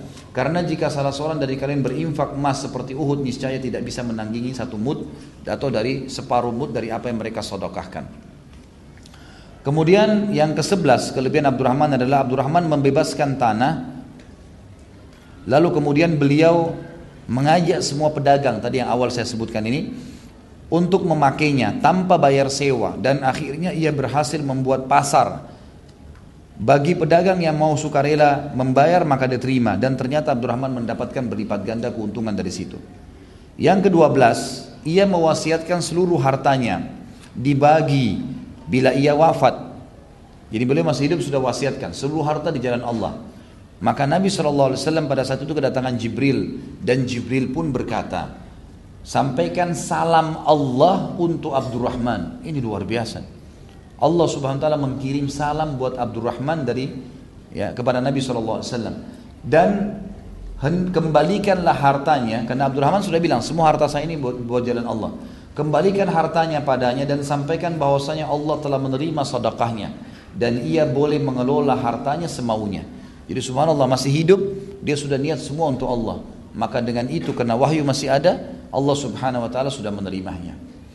Kemudian juga pernah dalam waktu yang lain Abdurrahman mendapatkan salam yang kedua dari Allah langsung melalui wahyu. Salam dari Allah ini ya dan jaminan surga setelah ia meminta setelah ia minta kafilah dagangnya yang datang dari negeri Syam didoakan oleh Nabi SAW jadi pernah kafilah dagangnya datang lalu Abdurrahman ingin kafilah dagangnya semuanya dibagikan untuk muslimin tapi sebelumnya dia mengatakan ya Rasulullah doakan kafilah saya ini maka Nabi SAW pun mendoakan pada saat itu. Jadi seluruh kafilah dia datang. Tapi tidak disebutkan berapa jumlah kafilahnya. Tapi satu kafilah ini terdiri minimal dari tiga ekor unta. Maka Jibril datang dan mengatakan sampaikan hai Muhammad salamnya Allah untuk Abdurrahman dan katakan kepadanya dia termasuk telah mendapatkan jaminan surga karena niatnya ini. Niat saja mengeluarkan apa yang dia inginkan. Kemudian juga Abdurrahman adalah seorang dai. Ini kelebihan yang ke-14.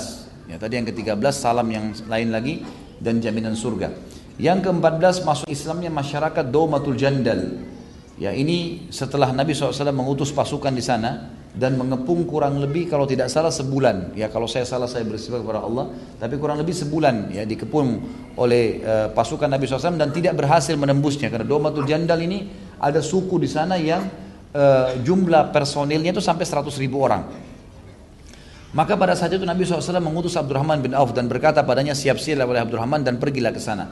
Maka subhanallah dengan keikhlasan dan ketulusannya dia datang kemudian dia mendakwahi mereka tiga hari bukan cuma mereka menyerahkan diri tapi mereka malah masuk Islam dan Abdurrahman sempat menikahi anak kepala suku yang ada di situ. Kemudian ya, yang terakhir adalah janji Allah Subhanahu wa taala melalui mimpinya. Abdurrahman mimpi bahwasanya dia telah diberikan kebahagiaan memang dari masih di perutnya ibunya. Dan ini kalau teman-teman pegang bukunya, itu ada di halaman pertama di kisah Abdurrahman ini. Kisah panjang lebar di mana beliau mengatakan pada saat beliau tidur, beliau mimpi kemudian melihat di dalam mimpinya ada dua malaikat yang datang. Kemudian dua malaikat ini ya apa namanya e, sempat memegang tangan Abdurrahman dan berkata, "Bawalah orang ini untuk dihakimi di depan Allah yang Maha Perkasa." Lalu kemudian Datang malaikat yang lain berkata, lepaskanlah dia. Karena sesungguhnya orang ini telah dijamin oleh Allah Subhanahu wa taala diberikan pengampunan dan kebahagiaan selama dia atau semenjak dia masih di rahim ibunya. Dan karena Abdurrahman adalah orang yang terpercaya, maka pegangan atau riwayat ini dipegangi oleh para ulama. Kemudian sebagai penutup teman-teman sekalian adalah saatnya kita berpisah dengan beliau radhiyallahu anhu dan kisah beliau ini tidak bisa selalu saja nyaman untuk diikutin, selalu saja nyaman untuk didengar gitu kan. Insya Allah ceramah yang seperti ini coba nanti antum ulangi lagi pada saat sudah di upload nanti diulangi didengar lagi makin kita dengar makin nyaman gitu. Saya bolak-balikan buku ini subhanallah sudah berulang kali dan saya kumpulkan data-data tambahan tadi. Kalau teman-teman pegang bukunya itu memang ini yang kita bedah asasnya tapi cukup banyak informasi yang saya datangkan dari sumber-sumber yang lain. Itu selalu saja kita mendapatkan ketenangan hati, tambahan iman karena kisah yang luar biasa. Pada saat beliau meninggal dunia radhiyallahu anhu dalam kondisi beliau sakit gitu kan? Dan ini bukan karena perang. Saat ibn Ibrahim berkata dari ayahnya ia berkata aku melihat saat ibn Abi Waqqas. Nanti insya Allah pertama kali kita bahas orang ini yang sangat mulia dalam peperangan. Beliau berdiri pada jenazah Abdurrahman bin Auf.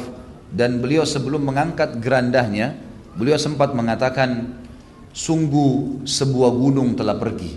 Maksudnya ini orang yang luar biasa. Ya seperti gunung yang luar biasa sudah hilang Lalu Ali bin Abi Thalib, Ibrahim bin Sa'ad juga berkata dari ayahnya dari kakeknya bahwasanya ia berkata Ali bin Abi Thalib sempat berkata pada saat melihat Abdurrahman wafat, "Pergilah wahai Ibnu Sa' Ibnu Auf, sesungguhnya engkau telah mendapatkan kejernian kehidupan dan engkau telah mendahului kekeruhannya." Maksudnya engkau pasti akan mendapatkan yang terbaik nanti di akhirat sana. Allahu a'lam.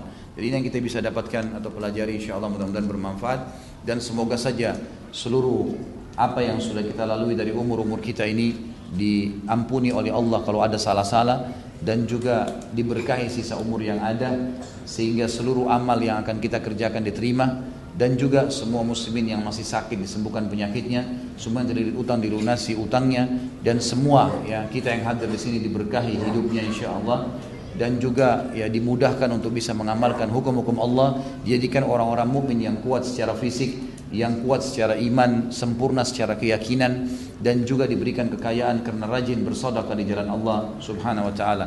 Dan tentu seperti biasa insya Allah kita akan lanjutkan pertanyaan setelah sholat duhur nantinya. Karena melihat waktu teman-teman juga mungkin butuh berwudu, akan saya buka sesi tanya jawab setelah itu. Dan kita berdoa sebagai penutup semoga Allah SWT memberikan kemenangan saudara-saudara kita di Palestina, di Syria, di Yaman, di Irak, di Myanmar, di mana pun mereka berada.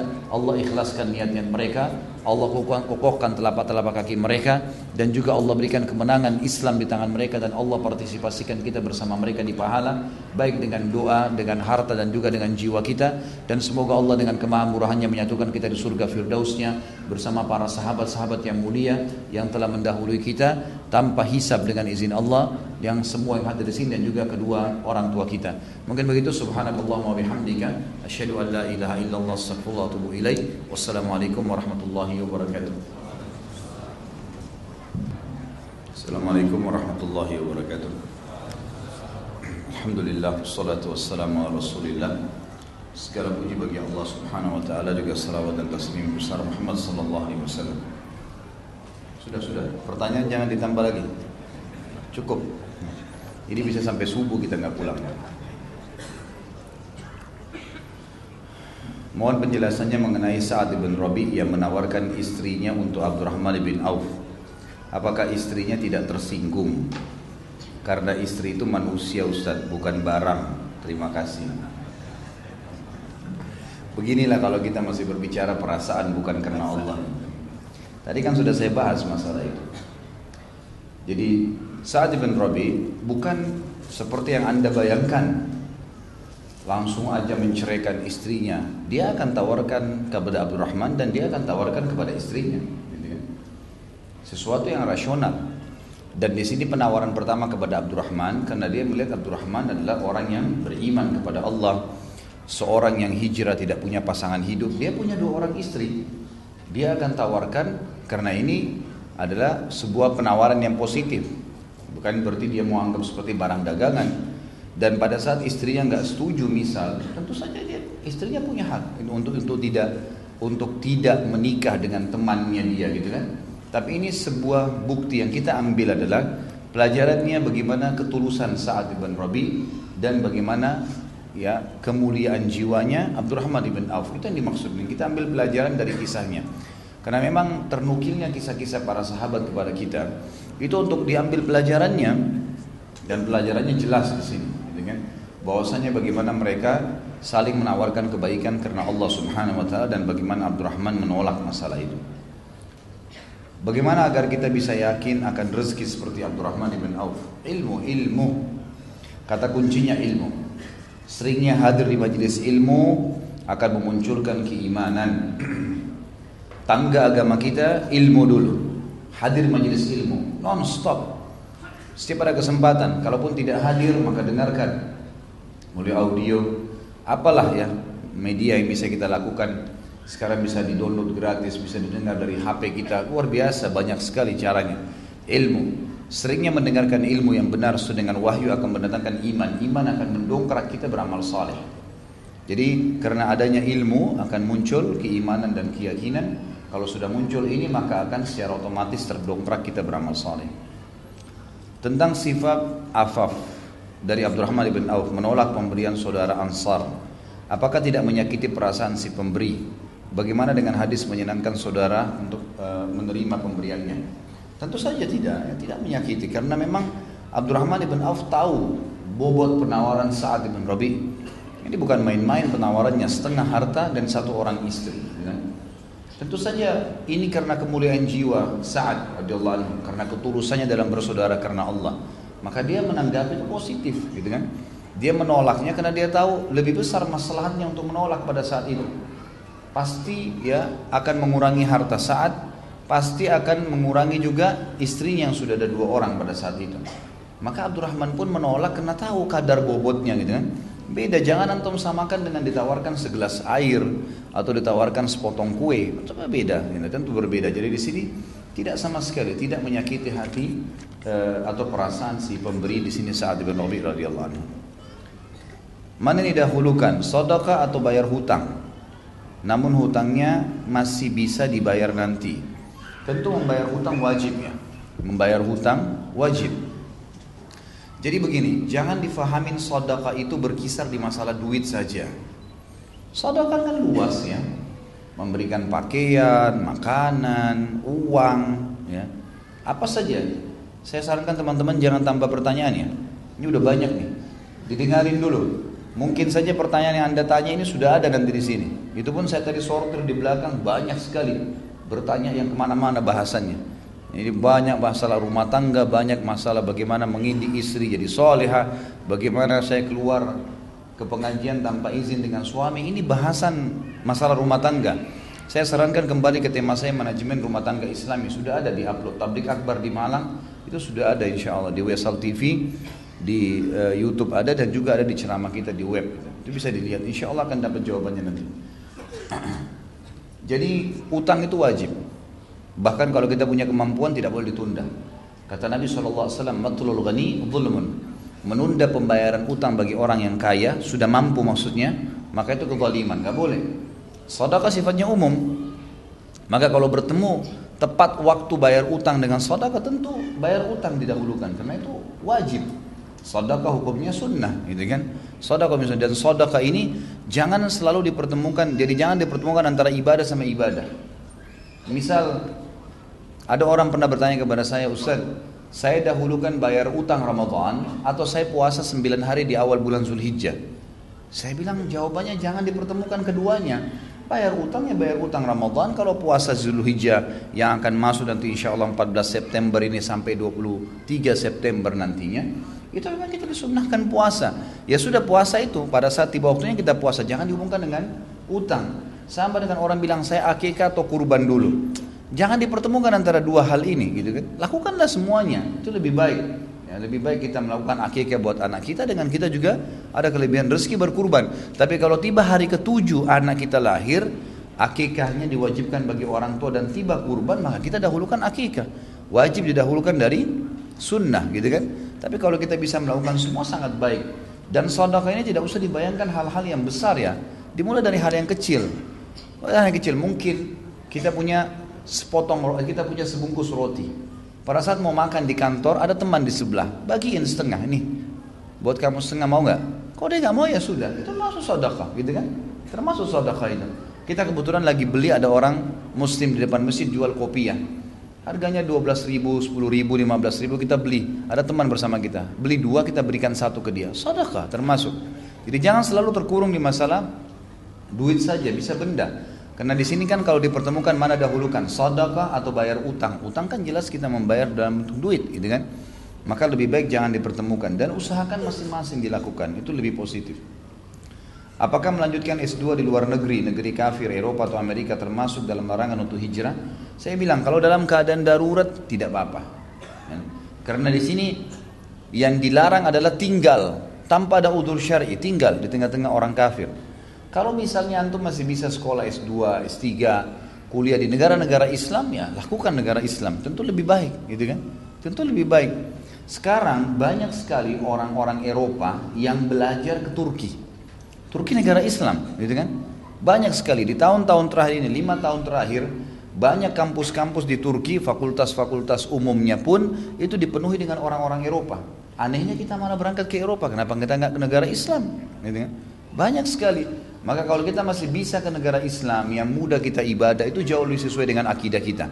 Kalau darurat, tidak ada lagi ilmu itu atau ilmu baru ditemukan dan terkenal satu negara kafir perlu kita belajar. Ya itu lain. Pergi belajar lalu balik. Gitu kan? Jangan sampai meninggal di negara kafir di sana dihabisin waktu negara kafir yang tidak ada yang justru malah membahayakan buat dia secara akidah lebih baik jangan. Tapi kalau dia lahir di sana duta nuntut ilmu gitu kan itu lain itu mungkin hal-hal yang masih dianggap darurat ya, yang masih darurat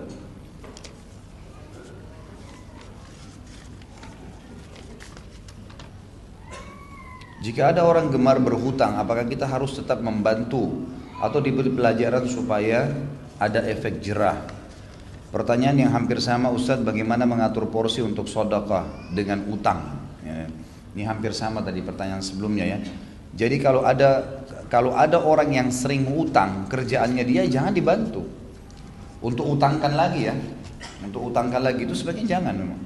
Itu lain, itu pelanggaran karena berhutang itu dalam Islam bisa masuk dalam hukum makruh atau haram. Itu utang. Nggak ada utang itu hukumnya sunnah, nggak ada. Hutang itu hukumnya makruh atau haram. Dia jadi makruh kalau kita memang harus berutang, kita nggak punya lagi cara lain, gitu kan?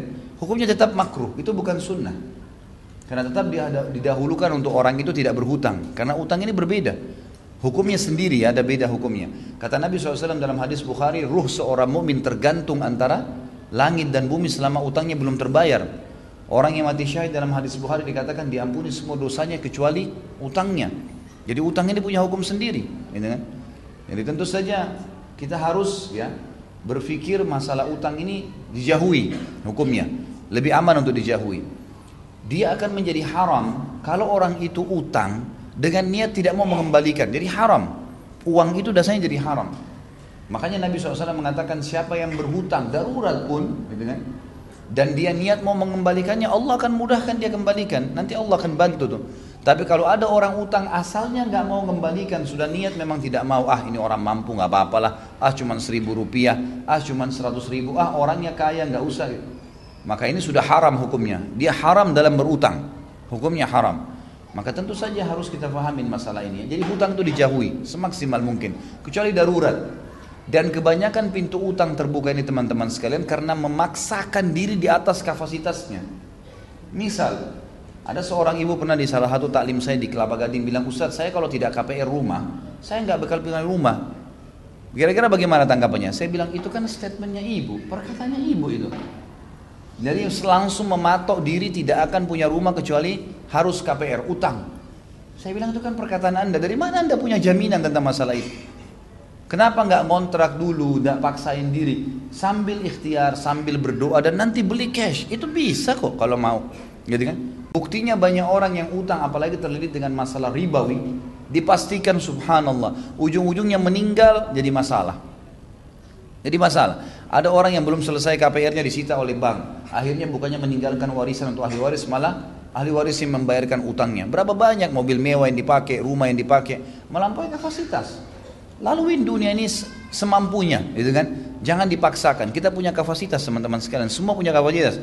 Mata punya jangkauan, suara punya jangkauan, ya, tangan punya jangkauan, kaki punya jangkauan. Jangan lebihi. Kalau kita melampaui kapasitas kita, kita harus memaksakan diri, kan gitu. Misal langkah kaki kita satu meter misalnya. Ada orang mau melangkah dua meter, susah. Susah, dia akan maksain diri, bisa keseleo, bisa robek celananya, bisa macam-macam. Maka jangan lampaui kapasitas, gitu kan? Dan sodaka dalam masalah ini ya, Pernah ada sahabat bersodaka dalam hadis Bukhari dengan satu dirham Satu dirham. Yang satu bersodaka dengan seribu dirham. Lalu kata Nabi SAW Satu dirham Allahu Akbar. Satu dirham mengalahkan seribu dirham Kata Nabi SAW Sahabat semua heran ya Rasulullah Gimana bisa? Jelas-jelas secara kuantitas ini Di mata kita lebih banyak yang seribu Kata Nabi SAW, karena yang sodaka dengan satu dirham tidak punya kecuali itu. Allah nilai dia mensodakakan semua hartanya pada satu dirham. Antum kalau nggak punya kecuali seribu rupiah dan antum sodakakan semua sama nilainya di mata Allah mensodakakan seluruh harta. Sementara orang yang sodakakan seribu dirham dia punya ratusan ribu dirham yang lain gitu kan. Jadi kecil. Kalau kita hitung secara persentase maka lebih kecil. Maka sedekah di sini dikeluarkan semampu kita. Ya ini. Kita keluarin sedekah. Saya tidak bilang misalnya kita mau naik bus, uang kita tinggal 3000 rupiah untuk bayar bus, lalu kemudian sedekahkan aja 3000 rupiah itu. Nah, bukan begitu pemahamannya. Kita kalau enggak berarti saya enggak bisa kuliah. Ya jangan. Keluarkan 3000 itu. Ya kita gunakan kalau pas-pasan. Karena sedekah itu yang paling pantas adalah buat diri sendiri dulu. Kata Nabi SAW, mulailah bersedekah dengan dirimu. Kita tadi 3000 rupiah pas mau naik bus. Kalau kita kasih orang lain kita nggak bisa naik bus. Itu salah kalau kita kasih orang lain. Karena sedekah dimulai dengan diri sendiri. Kemudian kepada kerabatmu, lalu kemudian orang-orang yang datang setelah mereka, umumnya kaum muslimin. Ya, dengan? Pernah ada sahabat pegang satu kantong dirham. Dia bilang ya Rasulullah, ada orang miskin muslim umum. Ada lagi orang miskin yang satunya punya hubungan kerabat sama saya. Satu kantong dirham ini yang mana saya kasih? Kata Nabi SAW, kalau kau kasih yang punya hubungan kerabat denganmu, kau akan mendapatkan dua pahala. Pahala silaturahim dan pahala sedekahnya. Jadi kita bisa memilih siapa yang kita mau kasih sebenarnya, gitu kan? Bisa di sini dan tetap mendahulukan diri sendiri. Harus difahamin.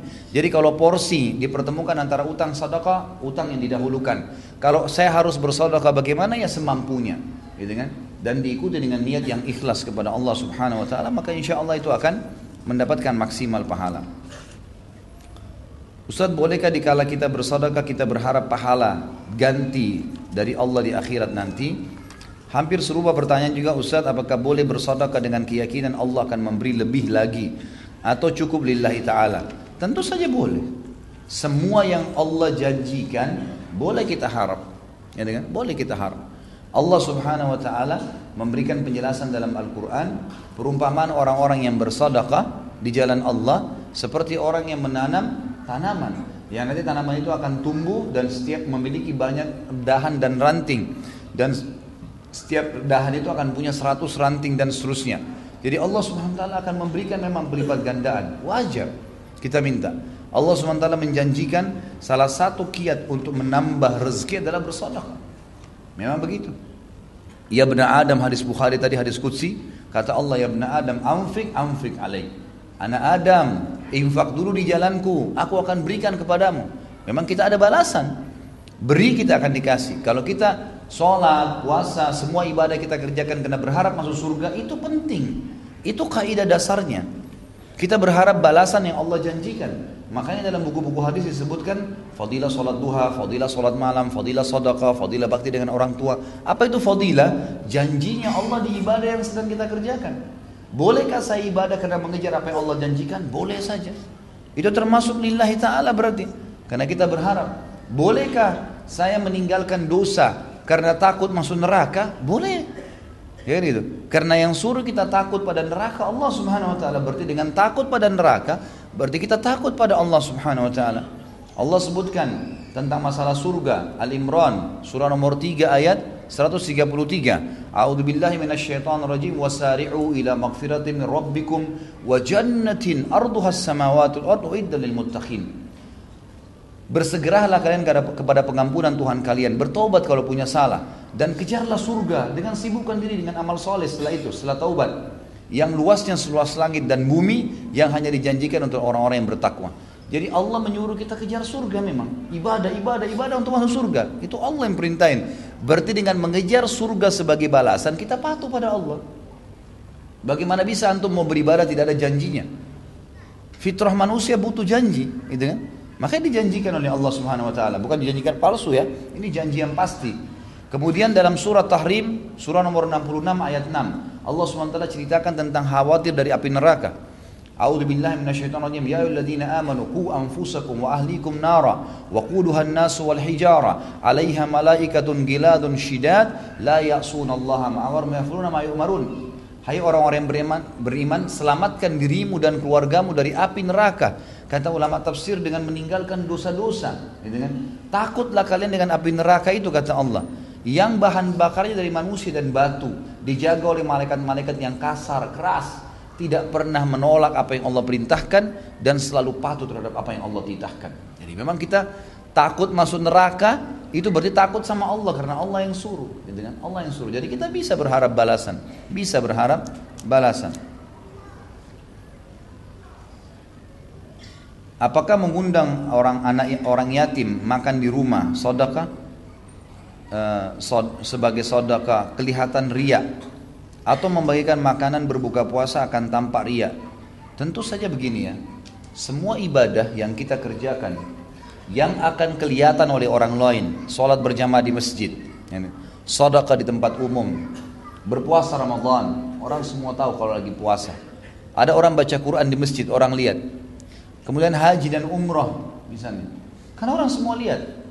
Semua ibadah kata ulama yang akan dilakukan di hadapan orang-orang pasti akan dilibatkan syaitan dalam ibadah syaitan akan melibatkan dalam ibadah itu ibadah tersebut ria pasti tinggal orang itu mengiyakan atau tidak ini kita lagi sholat syaitan bisikin tuh sebelah kamu ada orang itu nanti dikira doa kamu panjang nanti kamu dipuji nanti kamu terus dia tawarkan selama kita tidak mengiyakan tidak ria sah sholatnya tapi kalau kita iyakan baru dia ria Berarti kita mengundang orang makan, kasih orang miskin sodaka makan, orang semua lihat itu enggak ria. Abdurrahman bin Auf membagi, mengiklankan 700 tadi kafilanya, untanya.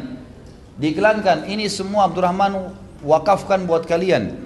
Pernah juga saya ceritakan Uthman bin Affan mendatangkan kafilah yang sangat banyak dari dari dari Syam untuk dibagi-bagikan. Maka Uthman mengatakan saksikan wahai muslimin ini sedekah buat kalian. Tapi belum bisa mengontrol hati dari dia. Ini. Selama kita bisa kontrol maka tidak ada masalah. Tidak akan masuk dalam bab ria. Karena kadang-kadang ada amal yang memang harus dikerjakan di depan umum, nggak bisa enggak. Bagaimana hukumnya kita bersedekah di rumah yatim yang pemiliknya ahli bid'ah? Tentu saja kita lihat bid'ahnya apa nih? Kalau bid'ah itu sifatnya bid'ah mukaffirah, bid'ah yang sampai membuat orang kafir, syirik, minta-minta ke kuburan. Nah itu jelas janganlah gitu kan.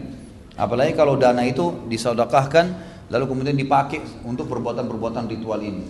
Tapi kalau misalnya bid'ahnya itu adalah bid'ah yang sifatnya perilaku-perilaku yang memang belum sampai pada mukafir, tidak sampai mengkafirkan orang, dengan kekeliruan-kekeliruan karena tidak tahu dalilnya.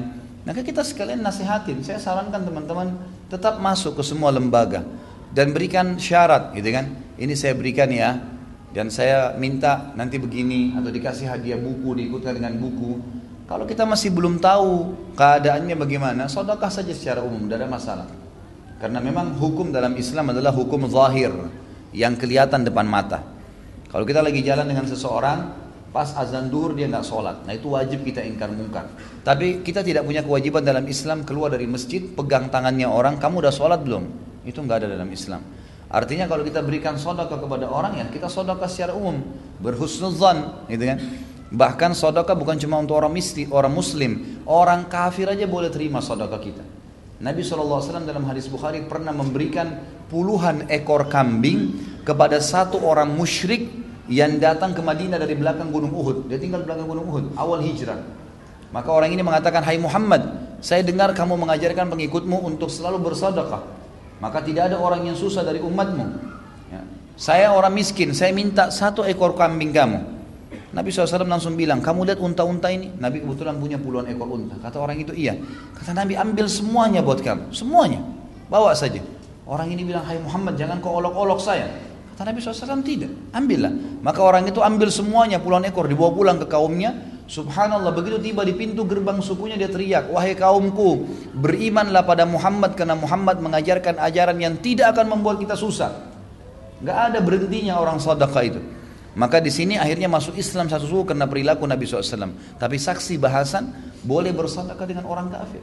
Yang penting bukan mendukung tempat ibadahnya. Apalagi kalau Muslim yang masih majul hal, nggak jelas, itu kan keadaannya. Atau mungkin dia masih melakukan pelanggaran tapi dia tidak tahu hukumnya. Bukan sampai orang yang memang fanatisme yang tahu tapi tetap melanggar itu lain. Itu jangan, gitu kan? Kita tahu akan berbahaya harta tersebut. Mana yang lebih utama, lebih sesuai tuntunan Nabi jika punya uang lebih, apakah berkurban dengan kambing, domba atau sapi? Tentu saja dengan kambing, kambing dan domba ya. Karena Nabi Shallallahu Alaihi Wasallam e, berkurban dengan domba dan e, dengan domba tentu dan domba ini sejenis dengan kambing. Jadi walaupun anda mampu sapi, mampu unta, tetap kalau bicara afdaliyah kambing dan domba, gitu kan? Dan dianjurkan setiap muslim yang punya kemampuan uang pada saat tiba Idul Adha nanti dan hari tasyrik tiga hari setelahnya kalau kita pemerintah misalnya tanggal 24 September nanti berarti 24, 25, 26, 27 gitu kan maka empat hari ini dianjurkan untuk berkurban ada yang punya kemampuan beli satu ekor kambing maka dia beli walaupun memang uang itu tadinya dia mau pakai untuk modal misalnya maka lebih baik dia dahulukan untuk ini gitu kan karena ini ibadah dan sedekah di jalan Allah Subhanahu wa taala. Maka ini besar pahalanya. Dan insya Allah Allah akan gantikan dengan yang lebih baik. Tapi kalau bertemu dengan perbuatan-perbuatan wajib, misal membayar utang, maka dia dahulukan utangnya atau dia tidak punya kemampuan, gitu kan itu tidak usah dipaksakan. Jadi lebih afdal kambing dan dianjurkan setiap muslim yang punya kemampuan berkurban lebih dari satu ekor. Karena Nabi SAW berkurban dengan domba dalam hadis Bukhari 65 ekor. Dan juga dianjurkan setiap muslim untuk menyembeli kalau dia mampu dengan tangannya sendiri. Ini termasuk perintah ya. Haruskah berkorban itu di lingkungan rumah tempat tinggal karena lingkungan saya isinya orang berada? Bolehkah di daerah lain tapi saya tidak menyaksikan? Boleh saja, nggak ada masalah. Lihat tempat yang lebih dibutuhkan. Satu-satunya pendapat ulama yang mengatakan agar tidak berkurban di tempat lain itu hanya di Mekah. Kalau orang lagi haji, maka dianjurkan lebih afdal berkurban di haji. Karena itu wilayah haram lagi musim haji itu lebih mulia dibandingkan tempat lain gitu kan? Jadi kita bisa berkurban di sana. Tapi kalau selain itu silahkan. Di Jakarta sudah cukup di sekitar komplek kita cukup sumbang di daerah lain itu boleh nggak ada masalah haruskah saya memakan bagian dari kambing kurban tersebut? Uh, apakah boleh dikurbankan saja semua? Tidak harus tapi sunnahnya. Nabi SAW menyunnahkan orang yang menyembeli untuk mengambil sebagian dagingnya. Baik kurban, baik akikah, baik untuk mengundang orang, sodakain ke orang. Karena Nabi SAW sering kali kalau ada sembelihan beliau mengatakan idribuli sahma. Berikan saya sebagiannya. Lalu Nabi SAW menikmati dari daging sembelihan tersebut di mana saja bisa belajar sejarah Islam untuk S2 apakah di Madinah, negara Arab atau bisa di kampus di Indonesia saya tidak tahu kalau di Indonesia ya. Kalau di daerah Timur Tengah mungkin yang terbuka untuk S2 itu hanya daerah Afrika, mungkin Mesir gitu kan. Ini yang masih terbuka. Saya tidak tahu sekarang kalau Turki membuka diri karena baru-baru ini saya dapat berita ada penawaran beasiswa. Tapi kalau untuk di Timur Tengah, kalau di Madinah itu nggak bisa. Karena di Madinah itu setahu saya syaratnya untuk S2 memang dasarnya dia S1 di situ. Ya. Udah S1 di Madinah, Kemudian dia lulus baru bisa. Kalau enggak maka enggak bisa. Selain sedekah atau infak, amalan apa yang bisa membuka pintu rezeki? Saya sarankan ikut tema saya ya. Saudaraku ini adalah rahasia rezekimu. Ada 10 kiat menambah rezeki yang saya sebutkan. Bersyukur, berinfak, gitu kan? Menikmatin yang halal menjauhi yang haram, memperbanyak istighfar, kemudian bertakwa kepada Allah, patuh pada Allah, kemudian bertawakal, kemudian silaturahim, kemudian hijrah tadi yang kita jelaskan, kemudian haji dan umrah dan yang ke-10 itu doa. Ini 10 kiat panjang lebar saya jelaskan dalam tema Saudaraku ini rahasia rezekimu bisa dilihat ada di YouTube insyaallah. Apa benar Abdurrahman bin Auf paling terakhir masuk surga dibandingkan para sahabat Nabi yang lain kena lamanya hisapnya? Saya nggak pernah temukan riwayat itu. Tidak pernah saya temukan. Yang ada kita temukan adalah malah hadis Sahih Bukhari tadi kalau Abdurrahman dijamin masuk surga. Di sini maksudnya dijamin masuk surga, dia akan masuk surga tanpa hisap. Malah pemahamannya 10 orang sahabat itu masuk surga tanpa hisap. Jadi bukan berarti masuk surga saja. Karena kalau hanya masuk surga dengan dihisap, banyak orang tidak perlu disebutkan namanya oleh Nabi SAW kan? Karena misalnya seseorang di antara kita juga nanti kalau dihisap hari kiamat insya Allah amalnya lebih baik, dia juga akan masuk surga. Kalau memang tetap melalui hisap, maka tidak butuh disebutkan. Penyebutan 10 orang ini berarti tanpa hisap mereka masuk, itu nilai plusnya di situ. Karena kalau melalui hisap berarti umumnya seperti muslimin, gitu kan? Jadi tidak ada, saya setahu saya Allah alam ini tidak tidak mungkin ada gitu ya. Surah Al-Baqarah 215 tercantum infak didahulukan orang tua lalu kerabat. Kira-kira kerabat uh, tetangga yang perlu kita beri infak seperti apa? Ya tentu saja orang yang butuh ya orang yang butuh. Dan infak ini, sedekah ini bisa untuk orang kaya, bisa untuk orang miskin ya. Misal gini, ada orang tua kita datang kaya raya atau saudara kita datang ke rumah kaya raya, kita hidangkan makan, itu sedekah. Makanan yang kita keluarkan sedekah. Lagi kebetulan adik saya datang ke rumah, kemudian dia lihat baju di lemari, itu bagus ya, saya mau minta, kita berikan, silahkan ambil. Dia orang mampu sebenarnya, tapi dia suka maju itu. Modelnya bagus, mungkin suka warnanya. Kita kasih, itu sedekah. Padahal dia orang mampu. Gitu kan? Jadi boleh saja, bolehnya memberikan bagian daripada daging kurban kepada orang kaya, itu boleh. Misal maksudnya orang mampu ya. Jadi tidak selamanya orang miskin, didahulukan orang miskin, tapi bolehkah orang kaya mengambil bagian daripada daging kurban? Boleh. Sekarang antum dapat nih bagian daging kurban, kita sembeli kambing atau sapi. Kemudian dapat 2 kilo, kita ambil sebagian. Lalu ada kerabat kita datang orang kaya. Tapi dia datang, kemudian kita berikan sebagian dari daging kambing yang atau daging yang sudah dikurban tadi. Boleh kah? Boleh. Tidak ada masalah, gitu kan? Beda infak dengan sodaka apa Ustaz? Apa sama dengan sumbangan juga? Tentu kalau sodaka diitlakan itu lebih umum. Sodaka itu lebih umum. Karena sodaka ini masuk segala macam jenis yang dikeluarkan di jalan Allah. Bahkan dalam hadis dikatakan ya, mengucapkan subhanallah sadaqah. Zikir. Mengucapkan alhamdulillah sadaqah. Mengucapkan la ilallah sadaqah. Menyuruh kepada kebaikan sadaqah. Melarang dari kemungkaran sadaqah. Bahkan engkau mengangkatkan barang sahabatmu saudaramu ke atas tunggangannya sadaqah. Dalam hadis lain dikatakan seseorang dari kalian akan mendapatkan pahala sedekahnya sampai sepotong makanan yang dia taruh di mulut istrinya jadi sedekah lebih umum, bisa masuk apa saja yang diniatkan untuk Allah berhitung sedekah.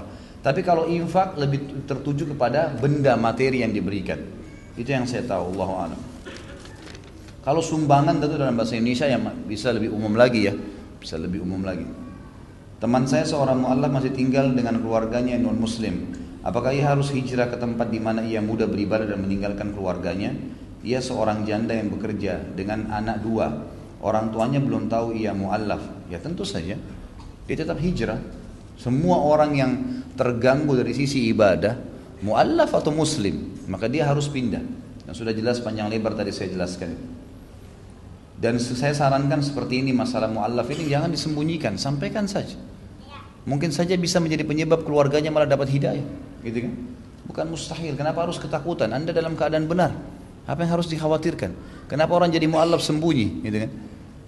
Kebenaran itu bukan untuk disembunyikan, diiklankan. Itu yang benar. Tidak boleh kita khawatir dengan itu.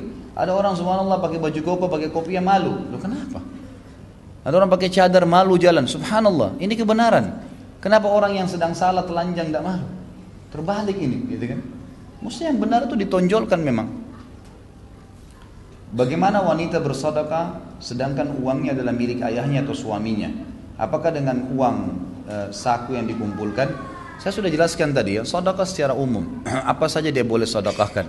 Kalau misalnya memang ada uang yang dia mau keluarkan, kemudian itu hasil pemberian dari ayahnya atau suaminya, maka dia bahasakan. Dan dalam hadis dikatakan siapa pun yang bersodakah dari harta seseorang, maka yang bersodakah dapat uang, dapat pahala dan yang memiliki harta juga dapat pahala. Misal gini, seorang suami kasih ke istrinya, lalu istrinya sodakahkan, maka suami juga ikut dapat pahala. Orang tua memberikan kepada anaknya, anaknya sodakakan, maka juga orang tuanya dapat pahala.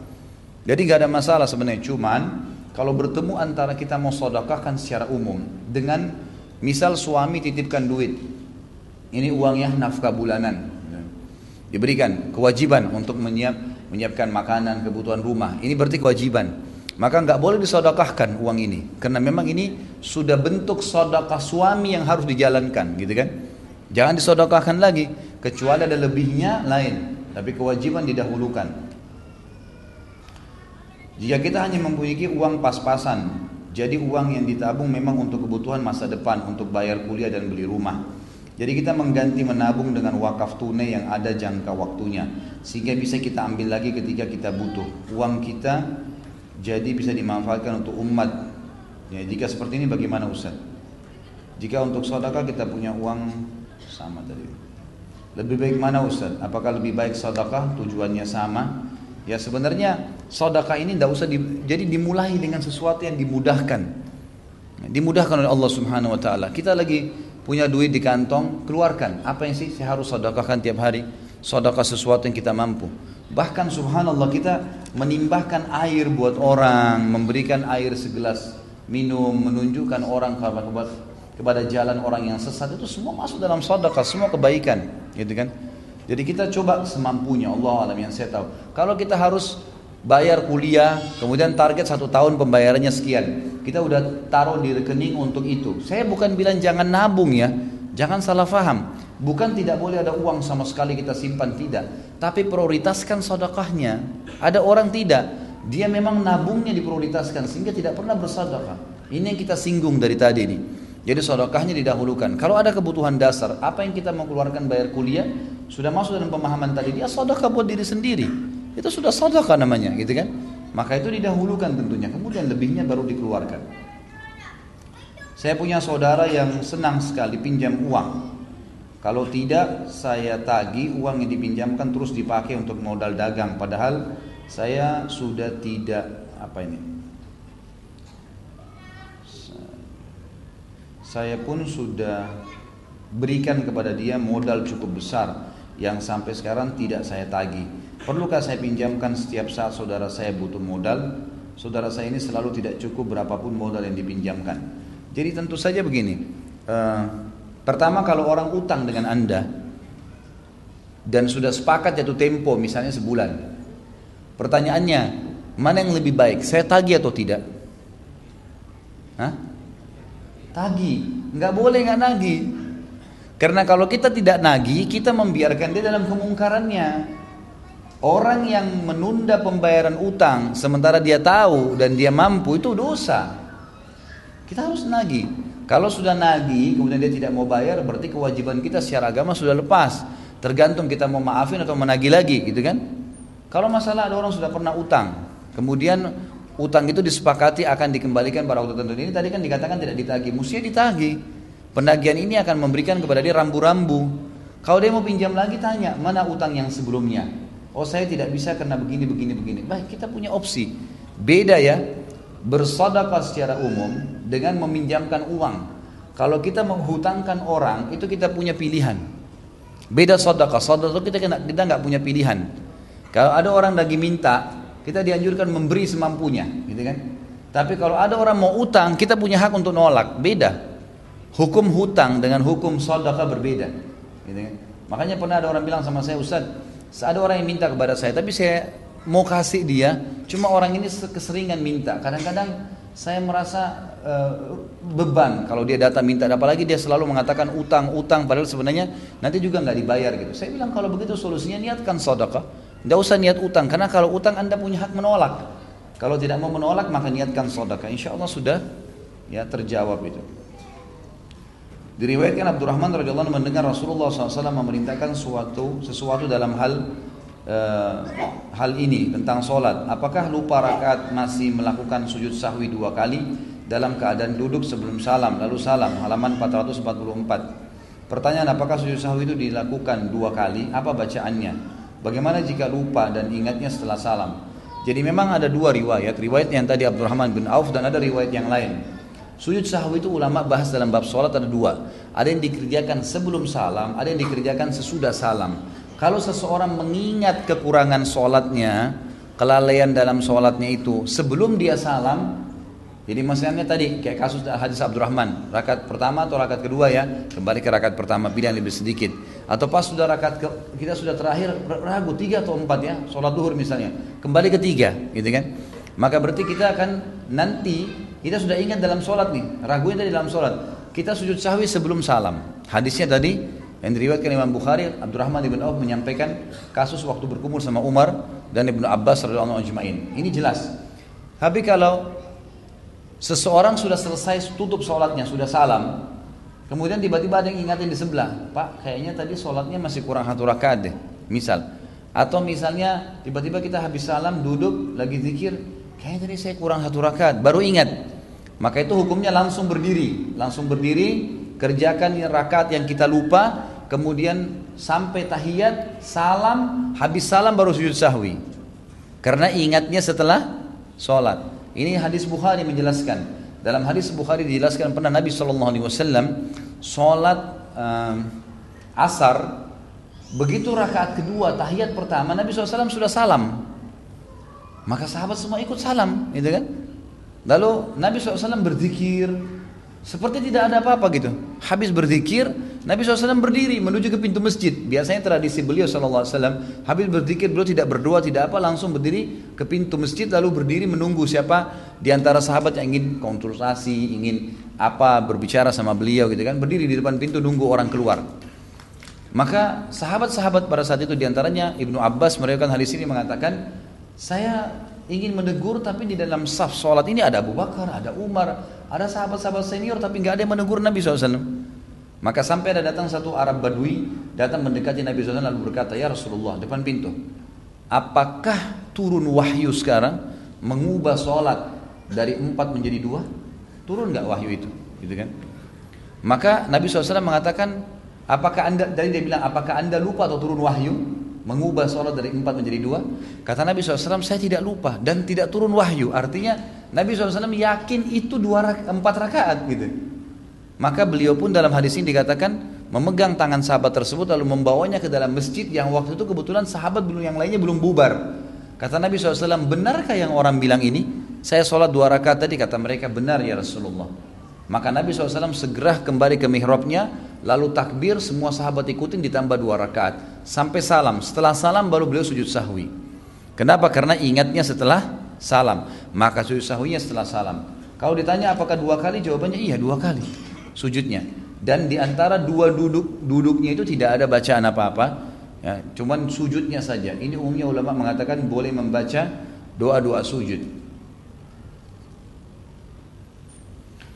Abdurrahman bin Auf saudara sepupunya adalah Sa'ad bin Abi Waqqas. Saat ini orang yang doanya manjur. Ketika beliau di Mekah pada saat itu, beliau telah buta. Orang-orang mendatanginya berbondong-bondong. Setiap orang meminta kepadanya agar berdoa untuknya. Maka saat mendoakan hal tersebut disebutkan di halaman 483. Ini sebenarnya pertanyaan nanti ya. Pada saat saat bin Waqqas kita bahas. Karena halaman 483 belum dibahas gitu. Bagaimana jika banyak orang yang meminta didoakan oleh ustadz, kiai, habib atau orang yang dianggap soleh agar didoakan sesuai dengan hajatnya. Kalau orang yang sedang kita minta tolong didoakan itu hidup, masih hidup, boleh. Banyak sahabat datang kepada Nabi SAW minta didoain. Gak ada masalah. Abu Hurairah pernah minta didoain ibunya, gitu kan. Uh, uh, Abu Qatada pernah diminta agar didoakan matanya. Seorang wanita yang kena penyakit ayan pernah datang meminta agar didoakan oleh Nabi SAW. Kalau Nabi masih hidup boleh, gitu kan tidak ada masalah masih. Tapi kalau sudah meninggal nggak boleh lagi. Karena memang waktu Nabi SAW sudah meninggal, tidak pernah ada sahabat satupun yang datang ke kuburan Nabi SAW lalu meminta-minta kepada beliau. Kenapa Bilal dan sahabat lainnya masih membunuh Umayyah yang pada saat itu Umayyah sudah jadi tawanan perang? Apakah tawanan perang boleh dibunuh? Sebenarnya di sini kasusnya si Umayyah masih belum masuk dalam umumnya tawanan perang karena dia tadinya masih di kancah peperangan. Ya. Tawanan perang itu nanti kalau sudah digiring sampai di pemimpin, ini pemimpinnya, amir peperangan, ini tawanan, dikumpulin semua baru dihitung tawanan perang. Selama dia masih di kancah peperangan, belum masuk dalam tawanan yang dikumpulin, maka itu masih dianggap kafir harbi. Orang-orang yang di kancah peperangan gitu kan. Dan Bilal waktu itu lihat Kan makanya makanya tadi saya ceritakan eh, Abdurrahman ibn Auf ingin membawa Umayyah ke mana? ke kemahnya Nabi kan gitu. Supaya dikasih tahu ini loh tawanan saya. Tapi sebelum tiba di kemah itu ketemu Bilal. Jadi sebelum ketemu sama pimpinan perang, itu ketemu dengan Bilal dan Bilal melihat ini pimpinan orang kafir. Maka beliau pun akhirnya ya membunuhnya. Jadi belum sampai kepada pimpinan perang. Abdurrahman bin Auf datang ke Madinah maka Nabi SAW menawarkan dengan Sa'ad bin, uh, Sa'ad bin Rabi al-Ansari. Saat menawarkan untuk membagi keluarga dan hartanya. Bahkan sampai ditawarkan dua orang istri yang dipilih ya, apa ini untuk dipilih dan mau menalaknya. Halaman 443. Pertanyaan apakah hal ini dibolehkan menawarkan istri kepada sahabat? Ya. Tentu saja ini perilaku Abdurrahman saat saat kepada Abdurrahman. Dan ulama sepakat mengatakan ini bisa dijadikan sebagai sebuah hukum. Kalau ada seorang muslim muhajir dan seorang di, di satu negara Islam dan ada seorang muslim memiliki lebih dari satu orang istri seperti saat dan dia ingin menolong saudaranya ini agar punya pasangan itu dibolehkan. Tapi di sini kasusnya saat memiliki dua orang istri yang dia tawarkan salah satunya itu pun penawaran dan sudah saya jelaskan tadi hukumnya. Abdurrahman ketika ditunjuk menjadi khalifah oleh Uthman, kemudian dia berdoa dimatikan. Sebelum itu apakah boleh berdoa minta mati? Ada hadis Nabi SAW yang berbunyi, janganlah kalian berharap kematian. Tapi kalau seseorang di antara kalian merasa memang perlu mati itu, artinya lebih baik saya meninggal, maka dia mengatakan ya Allah, Hidupkanlah aku kalau kehidupan lebih baik untukku dan matikanlah aku kalau kematian lebih baik untukku. Artinya boleh seseorang mengatakan itu tapi dikembalikan kepada Allah Subhanahu wa taala. Dan Allah menerima itu. Ini juga pernah terjadi ya, bukan cuma kepada Sa'ad bin Rabi. Ya, pernah terjadi juga kepada Sa'ad bin Mu'ad, salah satu pimpinan Ansar juga yang lain. Itu pada saat terjadi perang uh, uh, Bani Quraidah. Waktu terjadi perang Ahzab, beliau sempat kena anak panah dan beliau sudah sakit parah. Maka beliau berdoa mengatakan, Ya Allah, janganlah engkau matikan aku kecuali setelah aku ya menyelesaikan urusanku dengan Bani Quraidah. Artinya dia ambil keputusan di situ. Lalu Allah SWT betul-betul mematikan setelah Bani Quraidah. Ini banyak terjadi di kisah-kisah orang soleh kita. Tapi mengembalikan kepada Allah Subhanahu wa taala. Kenapa ekspansi tidak memasuki seluruh Eropa? Ini tentu historinya panjang ya. Tetapi pada saat Islam sudah masuk ke Spanyol dan Spanyol itu kalau kita lihat secara peta, sebenarnya Spanyol itu sudah masuk lebih dari seperempat Eropa. Kalau kita lihat petahnya, Spanyol itu besar sekali ya. Dulu Spanyol itu masuk juga Portugis, Portugal masuk di dalamnya. Itu dulu besar sekali memang, besar sekali. Kalau dilihat lokasi wilayah, kalau saya tidak salah Spanyol itu itu sama besar dengan wilayah-wilayah sebagian besar Eropa yang lain, yang itu. Jadi memang sudah sebagian besar masuk pada saat itu. Dan ekspansi Islam sudah sempat sampai ke wilayah selatannya Perancis. Ini ada bahasan sendiri tentunya. Tetapi pada saat itu terjadi kegagalan perang ya yang dikenal dengan balat syuhada. Ada perang balat syuhada karena ada pasukan muslimin yang terkalahkan maka ada instruksi dari pimpinan pada saat itu yang ada di wilayah Murabitin namanya ya wilayah di Afrika itu mereka e, mengatakan daripada kita ekspansi sekarang kita benahin dulu keadaan Spanyol yang sudah dikuasai nanti baru diekspansi. Cuma subhanallah ekspansi setelah itu banyaknya melalui dakwah, sudah bukan lagi peperangan, sudah bukan lagi peperangan. Dan Islam sudah banyak dikenal pada saat itu di wilayah Eropa. Sampai sejarah Eropa tertulis bahwasanya pada zaman ya pada zaman kejayaan Islam, bukan cuma zaman uh, Umayyah dulu ya atau Murabitun tadi yang saya sebutkan. Itu di zaman Utsmaniyah saja Eropa negara-negara Eropa itu itu banyak sekali di antara mereka yang masuk dalam Islam bahkan mereka menjadikan wilayah uh, pakaian-pakaian, tradisi-tradisi mereka, makanan mengikuti umat Islam. Saya punya cuplikan uh, foto yang hitam putih ya, itu dari salah satu buku rujukan di Eropa tentang sejarah Eropa yang ditulis oleh beberapa uh, sejarawan dari Turki itu menyebutkan dan ada foto dipasang situ kalau ratu-ratu ya, raja Eropa dulu itu rata-rata pakai cadar karena mengikuti ratu-ratu yang ada di Utsmaniyah gitu kan dan mereka menganggap itu pakaian yang modern pada saat itu. Sayangnya sekarang terbalik ya, umat Islam mengikuti mereka. Kalau zaman dulu malah kita yang dicontohi, bahkan dikatakan beberapa pastor dan pendeta itu mengeluh pada saat itu mengatakan kita sayangkan banyak anak-anak muda kita justru mereka selalu eh, mencontohi umat Islam di pakaian, di makanan, bahkan seseorang di antara mereka kalau mau melamar seorang wanita itu merupakan sebuah kebanggaan dan dianggap orangnya cerdas kalau dia bisa e, berbahasa Arab, gitu kan? Karena bahasa Arab dipakai oleh kaum muslimin pada saat itu. Ini baru saja, baru sekitar ya 100 tahun yang lalu saja kita tinggalkan Al-Quran dan Sunnah akhirnya umat Islam terpuruk. Apakah memberikan sebagian gaji kita untuk orang tua itu termasuk sodakah? Tentu saja. Tentu saja. Sodakah yang besar itu adalah buat diri sendiri, kemudian buat kerabat-kerabat terdekat di antaranya orang tua, istri dan anak, gitu kan itu semua sodakah. Apakah sodakah yang akan kita berikan harus kita pilih-pilih kepada siapa yang diberikan? Tentu saja boleh ya. Kalau misalnya ada opsi, misal eh, ada orang yang kita lihat tadi sahabat, ada satu orang miskin muslim dan ada satu orang miskin kerabat. Maka kita dia tanya siapa yang saya kasih kata Nabi SAW kalau kau kasih kerabatmu maka akan ada ya pahala double. Maka ini berarti dibolehkan. Ini kalau seandainya memang kita sudah jelas-jelas mau sodaka dan ketemu dua orang ini. Tapi kalau seandainya tidak, misal lagi di jalan ada orang miskin gitu kan. Kemudian kita lihat mau diberikan ke dia. Syaitan goda, nanti aja di depan mungkin ada orang yang lebih miskin. Nah itu tidak, itu nggak boleh. Diberikan pada saat itu. Bolehkah kita ketika sodaka ada keinginan untuk menjadi kaya? Boleh, kenapa tidak? Boleh insya Allah. Dari tadi kita sudah jelaskan itu. Soal bagaimana hukum ngasih uang buat orang yang minta-minta, sedangkan ada peraturan yang mengharamkan ngasih buat orang minta-minta. Kita situasinya, lihat kondisinya, gitu kan? Sampai sekarang setahu saya LSM-LSM di Indonesia ini lagi berdiskusi dengan pemerintah kita. Karena kebanyakan orang-orang ada memang orang-orang yang minta-minta di banyak di jalan-jalan itu memang orang yang menjadikan sebagai profesinya. Ini negatif. Tetapi banyak orang yang memang susah, gitu kan? Dan ternyata LSM mengatakan pemerintah sampai sekarang belum menanganin itu. Jadi cuma dilarang, ditangkapin, kemudian sudah nggak diurus gitu. Maka akhirnya mereka terbengkalai, makanya banyak LSM yang mendatangi rumah-rumah mereka di pinggir-pinggir kali. Memang mereka susah. Sekarang kalau nggak dibantu, pemerintah nggak bantu, siapa yang mau bantu? Jadi kita lihat kondisinya, gitu kan? Lihat kondisinya. Saya pernah lihat ada satu bapak jalan di Condet di beberapa waktu lalu. Lewat jalan saya mau pergi taklim, subhanallah begini saya lihat pakai batu baju batiknya sudah tua sekali, kopi hitamnya kotor sekali. Gitu kan? Keadaannya luar biasa, bawa tas susah jalan. Saya lihat dari keadaannya memang orang susah nih Kebetulan saya telepon, saya sudah jalan, saya telepon ke restoran, saya tanya, e, ada manajernya, saya tanya, akhi tolong ambil uang di laci, berikan berapa saja ke orang ini, berapa yang antum pas buka laci ada, berapa saja berikan ke dia. Ini orang susah, kejar ciri-cirinya seperti ini. Saya jalan, sudah agak jauh, sudah di ujung Jalan Raya Sonde, sudah dekat di Wisartika, terus saya ditelepon sama dia. Ustaz saya nggak ketemu orangnya, saya udah keluar, sebab saya bilang coba dia akan lewat depan restoran.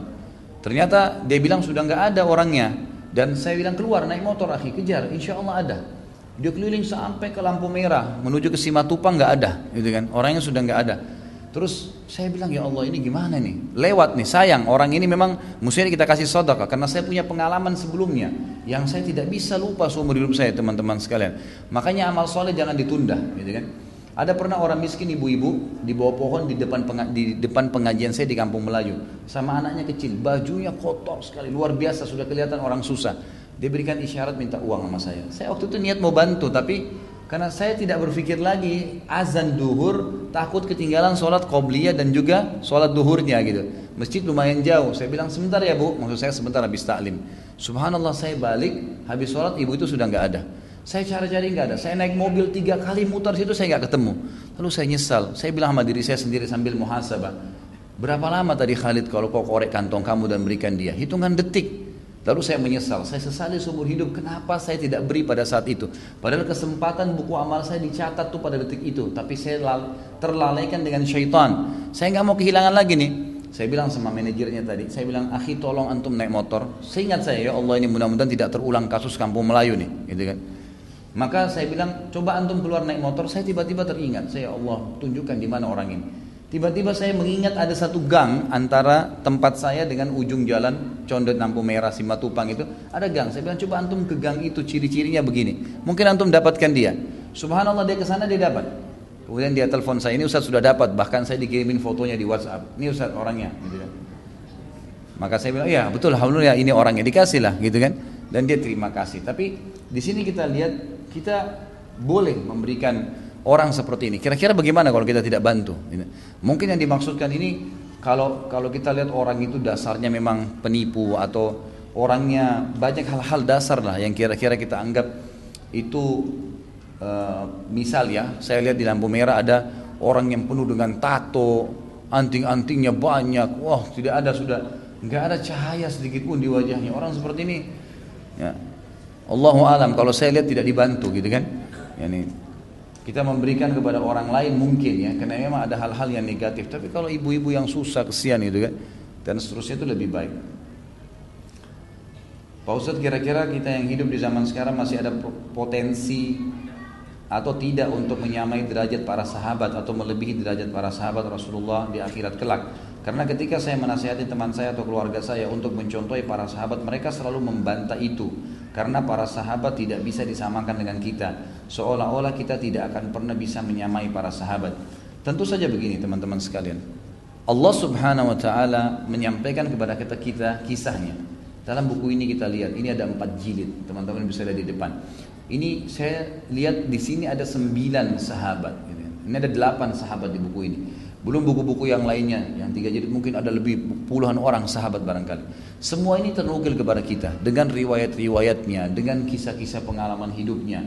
Untuk apa Allah sampaikan kepada kita? Untuk dicontohi, gitu kan? Abu Bakar dijamin surga, Umar dijamin surga, Uthman. Apakah itu hanya sekedar dikenang begitu saja? Tidak. Tujuannya untuk kita menciplak hidup mereka. Mereka manusia seperti kita.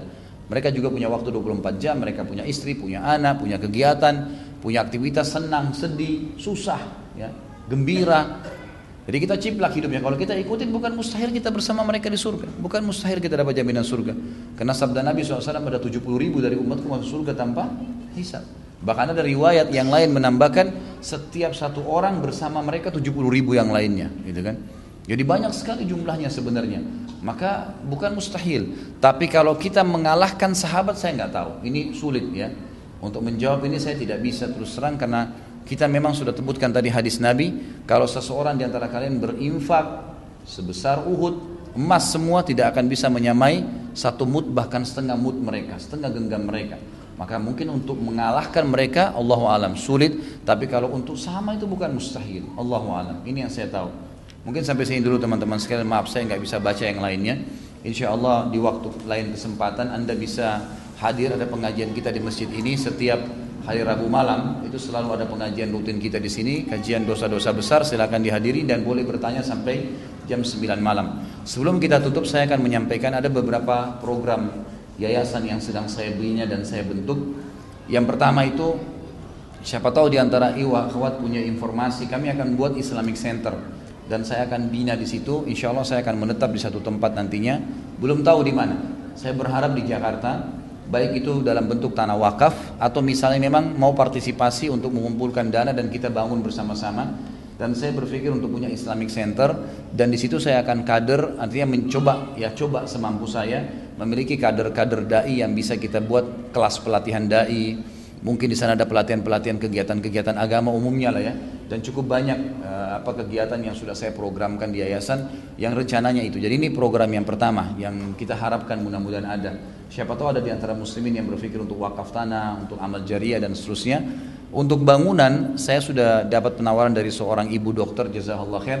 Beliau memang mengatakan mau membangun masjid buat ibunya ya, dan tadinya di kota Malang ya, ada tanahnya Tanahnya itu sudah cukup besar, sekitar 1500 meter dan sudah ada anggaran buat masjid beliau siapkan. Masya Allah anggaran masjidnya lumayan satu setengah m dikasih dan dia bilang ini Ustadz silakan. Terus saya tadinya berpikir ya sudahlah dibangun di Malang.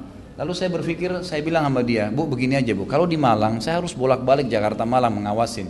Kenapa nggak sekarang tanah di Malang dijual, kemudian jadikan duit kita beli tanah di Jakarta yang bisa dijangkau oleh akses orang di Jabodetabek ini itu insya Allah lebih baik karena selama ini Islamic Center yang memang kita bina sesuai dengan sunnah itu masih jarang sekali di kota Jakarta maka itu lebih baik saya bilang dijual dulu baru kita bangun dia Alhamdulillah setuju lagi sekarang tanah di Malang itu akan dijual dulu kemudian akan digabungkan dana dan ini bisa teman-teman bergabung atau misalnya ada yang mau wakafin tanah juga bisa.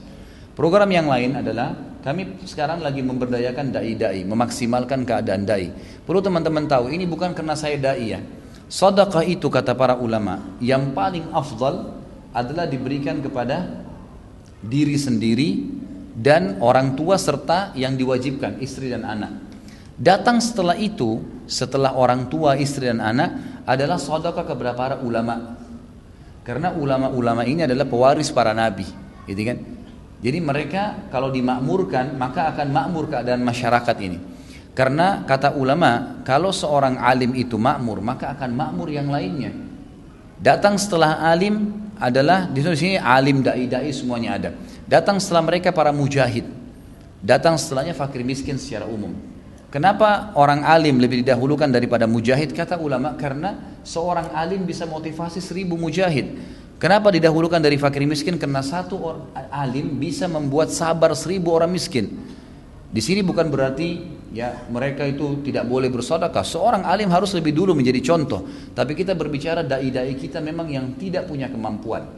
Maka di yayasan saya buatkan program adanya pengadaan motor buat dai, adanya eh, apa namanya Eh, tunjangan bulanan. Ada beberapa dai-dai yang masya Allah dakwanya luar biasa, tapi kehidupannya memang masih susah gitu. Maka saya buat tunjangan-tunjangan ada 3 juta per bulan, ada 5 juta per bulan. Nanti semua kebutuhannya di, di, di istilahnya dipenuhi. Berasnya, gulanya, listriknya, semua kita tanggungin gitu. Dan itu insya Allah ada pahalanya karena satu orang dia itu sudah cukup kita panen pahala sekian banyak umat yang didakwahinya gitu kan. Tentu juga dai-dai ini disortir, dipilih ya. Kemudian juga termasuk berhubungan dengan dai ada pengadaan laptop, ada pengadaan perpustakaan dai gitu kan, ada uh, pengadaan pembiayaan untuk anak-anaknya dan seterusnya. Ya.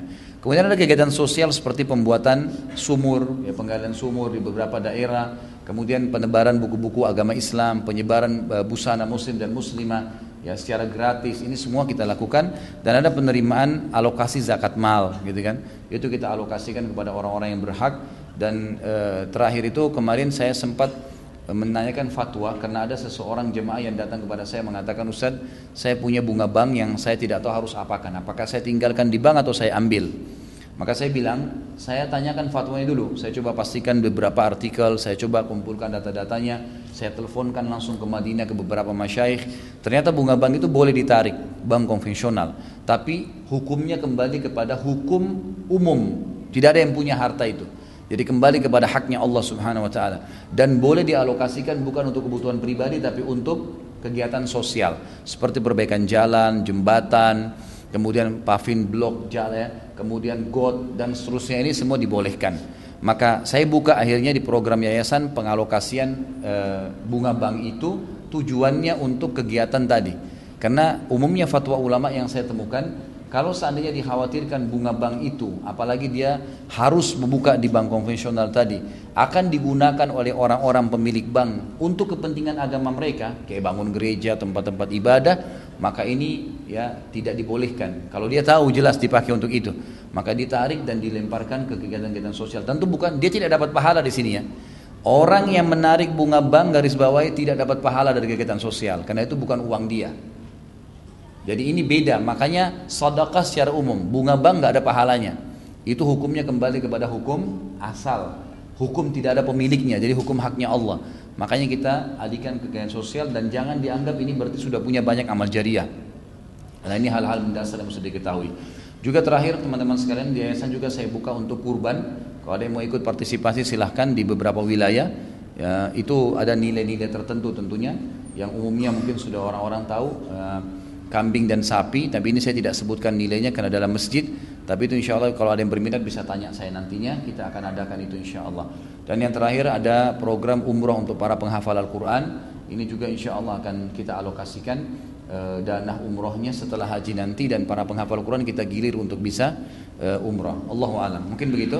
Mudah-mudahan apa yang kita bahas bermanfaat dan mohon maaf kalau ada yang belum sempat saya jawab Ya pertanyaannya semoga sekali lagi semua apa yang sudah kita lakukan terdahulu kalau salah diampuni diganti pahala oleh Allah semua yang kita kerjakan dari kebaikan diterima dan juga yang belum kita kerjakan sudah diterima dan juga seluruh muslimin yang sakit disembuhkan yang punya utang dilunasi utangnya kemudian belum dapat hidayah diberikan hidayah yang sudah dapat hidayah dimudahkan untuk mengamalkan dan tidak henti-hentinya kita berdoa agar saudara kita di Palestina, di Syria, di Yaman, di Irak, di Myanmar di mana pun mereka berada diberikan kemenangan, keikhlasan dan juga Allah muliakan Islam di tangan-tangan mereka serta Allah partisipasikan kita dengan pahala baik dengan eh, doa kita, dengan harta dan juga dengan jiwa kita dan semoga Allah dengan kemahamurahannya yang sedang melihat kita, malaikatnya sedang menghadiri majlis yang mulia ini menyatukan kita semua di surga firdausnya tanpa hisab sebagaimana ia satukan kita di majlis ilmu yang mulia ini. Kalau benar dari Allah, kalau salah dari saya mohon dimaafkan. Subhanakallahumma bihamdika asyhadu an la ilaha illallah astaghfirullah wa atubu ilaik. Wassalamualaikum warahmatullahi wabarakatuh.